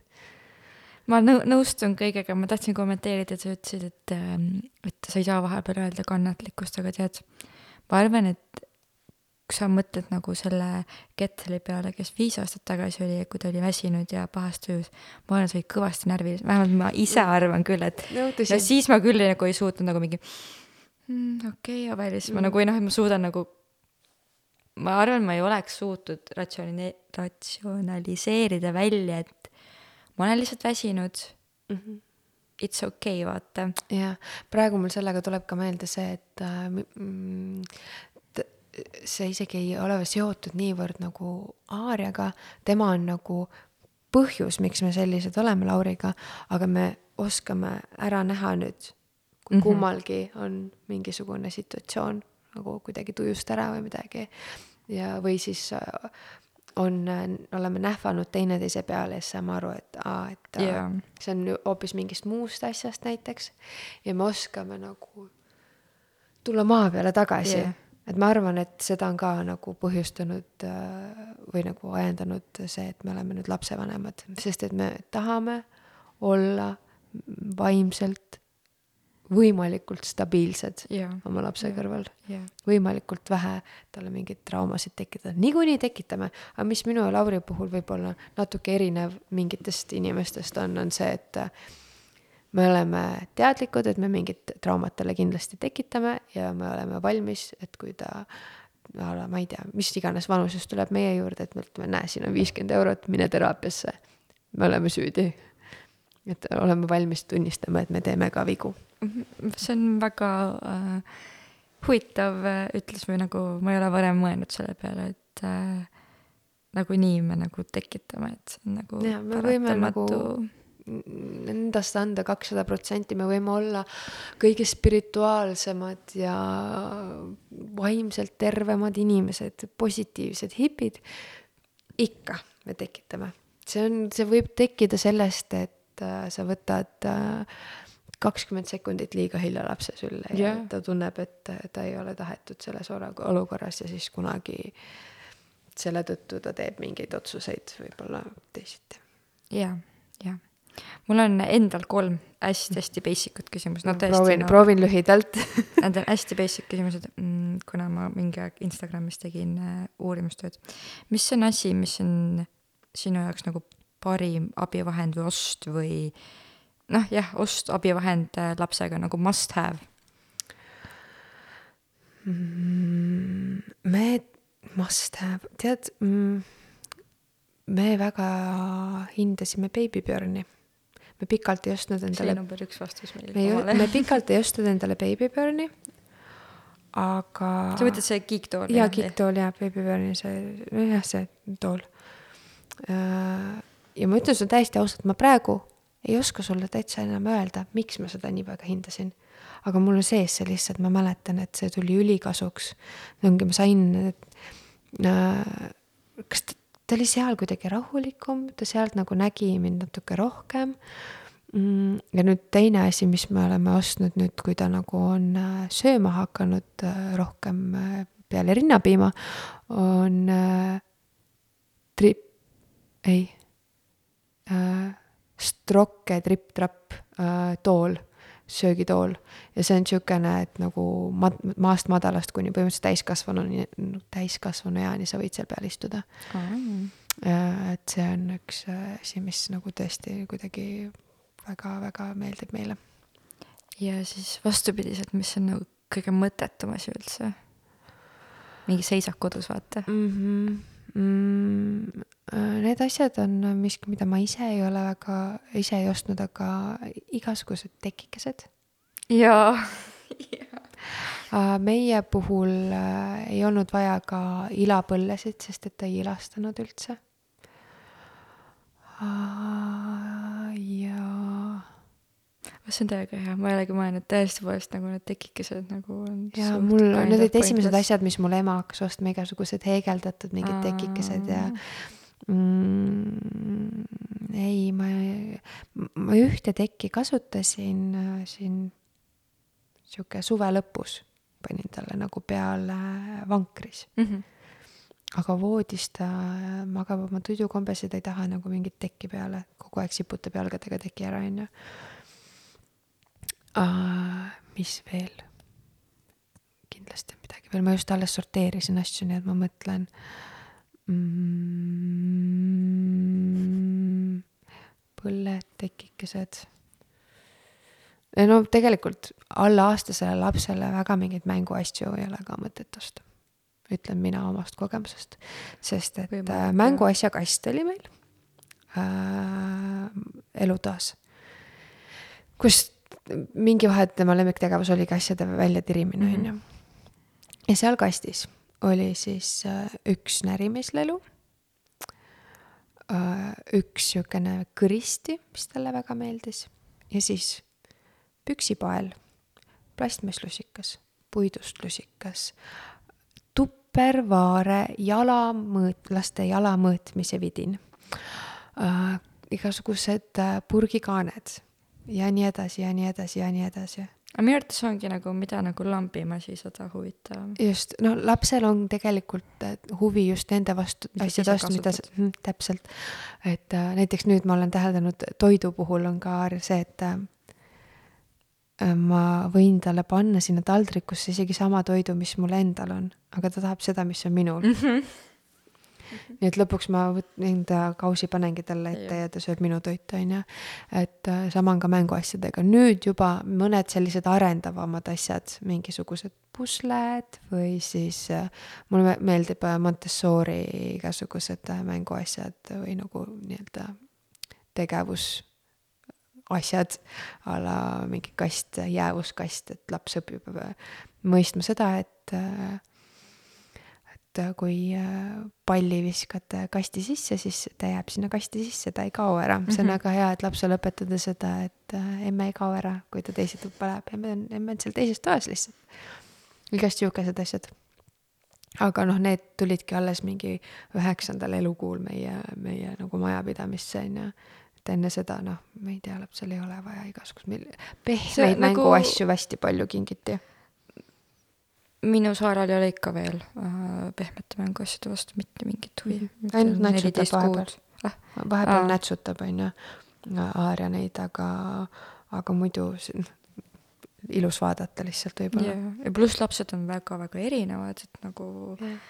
eks sa ainult kasvadki koos temaga ju. no siin puhul ma ka soovitaks jällegi vajaduspõhiselt ja enda pere järgi, et yeah. vaadata, on ju, ja palju saab ka laenutada või siis mina hästi propageerin, nagu sa ka alguses välja tõid, et ma olen nagu seda keskkonnateemat ka jälgin, on ju, taaskasutust. et kui sa ei julge nagu päris sinna võib-olla kuskilt kaltsukast osta, et aa, nüüd kaua siin seisnud muude asjadega, ta-ta-ta ei ole äkki nii hügieeniline, on ju, et kõik on näppimas käinud, siis noh, mingi jaga ja basaar, et inimesed, noored emad korralikke, väga korralikke asju müüvad, on ju. jah pluss kõige parem on ikka see, kui sul keegi on värskelt saanud lapse mm -hmm. paar kuud varem, on ju, et siis mm -hmm. tavaliselt lihtsalt toob sulle, vaata. noh, me ei ole Aarjale põhimõtteliselt, ma arvan, et me oleme mingi saja euro eest äh, riideid ostnud, millest viiskümmend eurot on üks äh, kombe mm. -hmm. sest et meil tuttavatel, kellel lapsed juba tegelikult kõvasti vanemad, kõige väiksem sihuke kolmene äkki juba või, kolm tüdrukut mm. ja nad tegid omal äh, keldris suurpuhastust ja tõid vähemalt, ma ütlen reaalselt, see oli vähemalt, aga ma ei oska öelda, palju neid kokku oli, äh, viis äh, seda prügikotitäit riideid. see on kõige parem, see on reaalselt kõige parem. jah.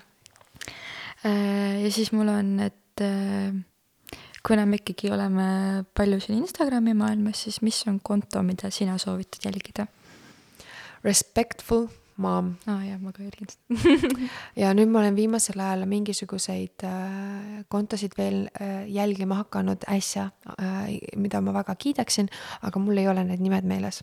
nii et ma ei tea, kas sa tahad pärast kuskile äkki kirjutad, ma otsin mingi... sulle need välja yeah., aga need ongi need äh, sellised kontod, mis tuletavad meelde, et vahet pole, kas sa teed A, B või C viisil oma lapsega midagi, siis äh, see on okei okay,, kuidas sina oled otsustanud seda teha, on ju ja, ja Respectful Momiga mul tuleb lihtsalt meelde see, et vaata, ma rääkisin just hetk tagasi, äh, kuidas me Lauriga kuidagi püüame Aaria kõrval olla nagu rahulikud.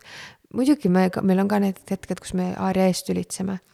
aga mida respectful mom ja üldse mingid respectful parenting ehk siis äh, nii-öelda last, last austavad kasvatusmeetodid äh, õpetavad, on see, et sa pead alati, isegi sellele pooleaastasele, kes nagu su sõnu võib-olla ei mõista, ütlema, et sina ei olnud praegu süüdi, et meie issiga tülitsesime. Yeah..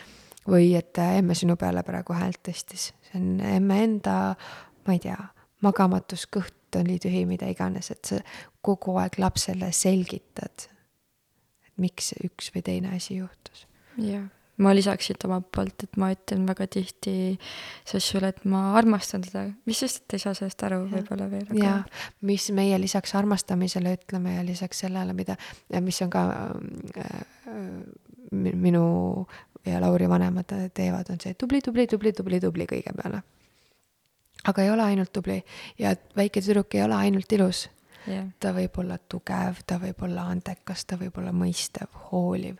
lisaks sellele, et ta on armastatud, on ta äh, austatud. kui Aarja nutab, siis ma ütlengi talle alati, et lase välja, lase välja, et äh, ma aktsepteerin seda, et ja, sa nutad. et kõiki neid erinevaid emotsioone tutvustada juba maast madalast. sest et äh, näiteks minul endal depressiooni ja kõigega selliste raskete tunnetega seoses. täna ma mõistan, et äh, üks põhjus oli see, et ma ei mõistnud erinevaid emotsioone täiesti nagu sajaprotsendiliselt. et minu jaoks äh, see, et ma jäin bussist maha, võis võrduda sellega, kui keegi kallis minu elust lahkub, on ju et minu jaoks need kaks emotsiooni olid nagu võrdväärsed. aga siis ma nagu olen hakanud neid lahti harutama, et saangi aru, et üks on a la siukene mingi nördimus või yeah, yeah, pettumus, aga teine on tugev lein. ja siis sa saad aru, et need, nende skaalad on tegelikult erinevad. et neid kõike ma tahan Aarjale tutvustada ja ongi, et ta ei äh, äh, arvaks, et tema väärtus seisnebki tema väljanägemises ainult. et seda kõike õpetada. vot, aga suur-suur-suur aitäh sulle, et sa tulid. ma arvan, tegelikult oleks nii palju veel rääkida. Ehm, no ma võin teinekord veel tulla, ma no, selles mõttes, et armastan rääkida, ma olen mm, seal metsa sees äh, oma selles mullis ja. no aga ja siis te peate millalgi tulema Tartusse ja seda uuesti vaata, te peate ja. ikka selle tripi kunagi ette võtma. jah, no ma pean äkki Lauri ära rääkima, et äkki võib-olla mingisugust koduse isa äh, perspektiivi ja, kogu sellesse asja. kusjuures tegelikult meil kunagi vist algselt oli plaanis nagu niimoodi, et aa, et kutsume teid koos vist või midagi mm -hmm. sellist, siis kui alles no, siis meil oleks mingi viietunnine podcast no mina kuulen väga tihti podcast'i niimoodi, et äh, ma ei jõuagi ära kõike kuulata, ma jätkan nagu, et see on mm -hmm. totally fine minu arvates. aitäh sulle, et sa tulid aitäh. ja minge kõik jälgige Ketselit, vaadake, mis ta teeb, üliarmas inimene mm,. tore. ja kui sulle meie podcast meeldib, siis mine ka B-Buffetit jälgima, jagage Spotify's meid edasi aitäh sulle, kuulaja. aitäh, Kettel. aitäh sulle. tšau tšau.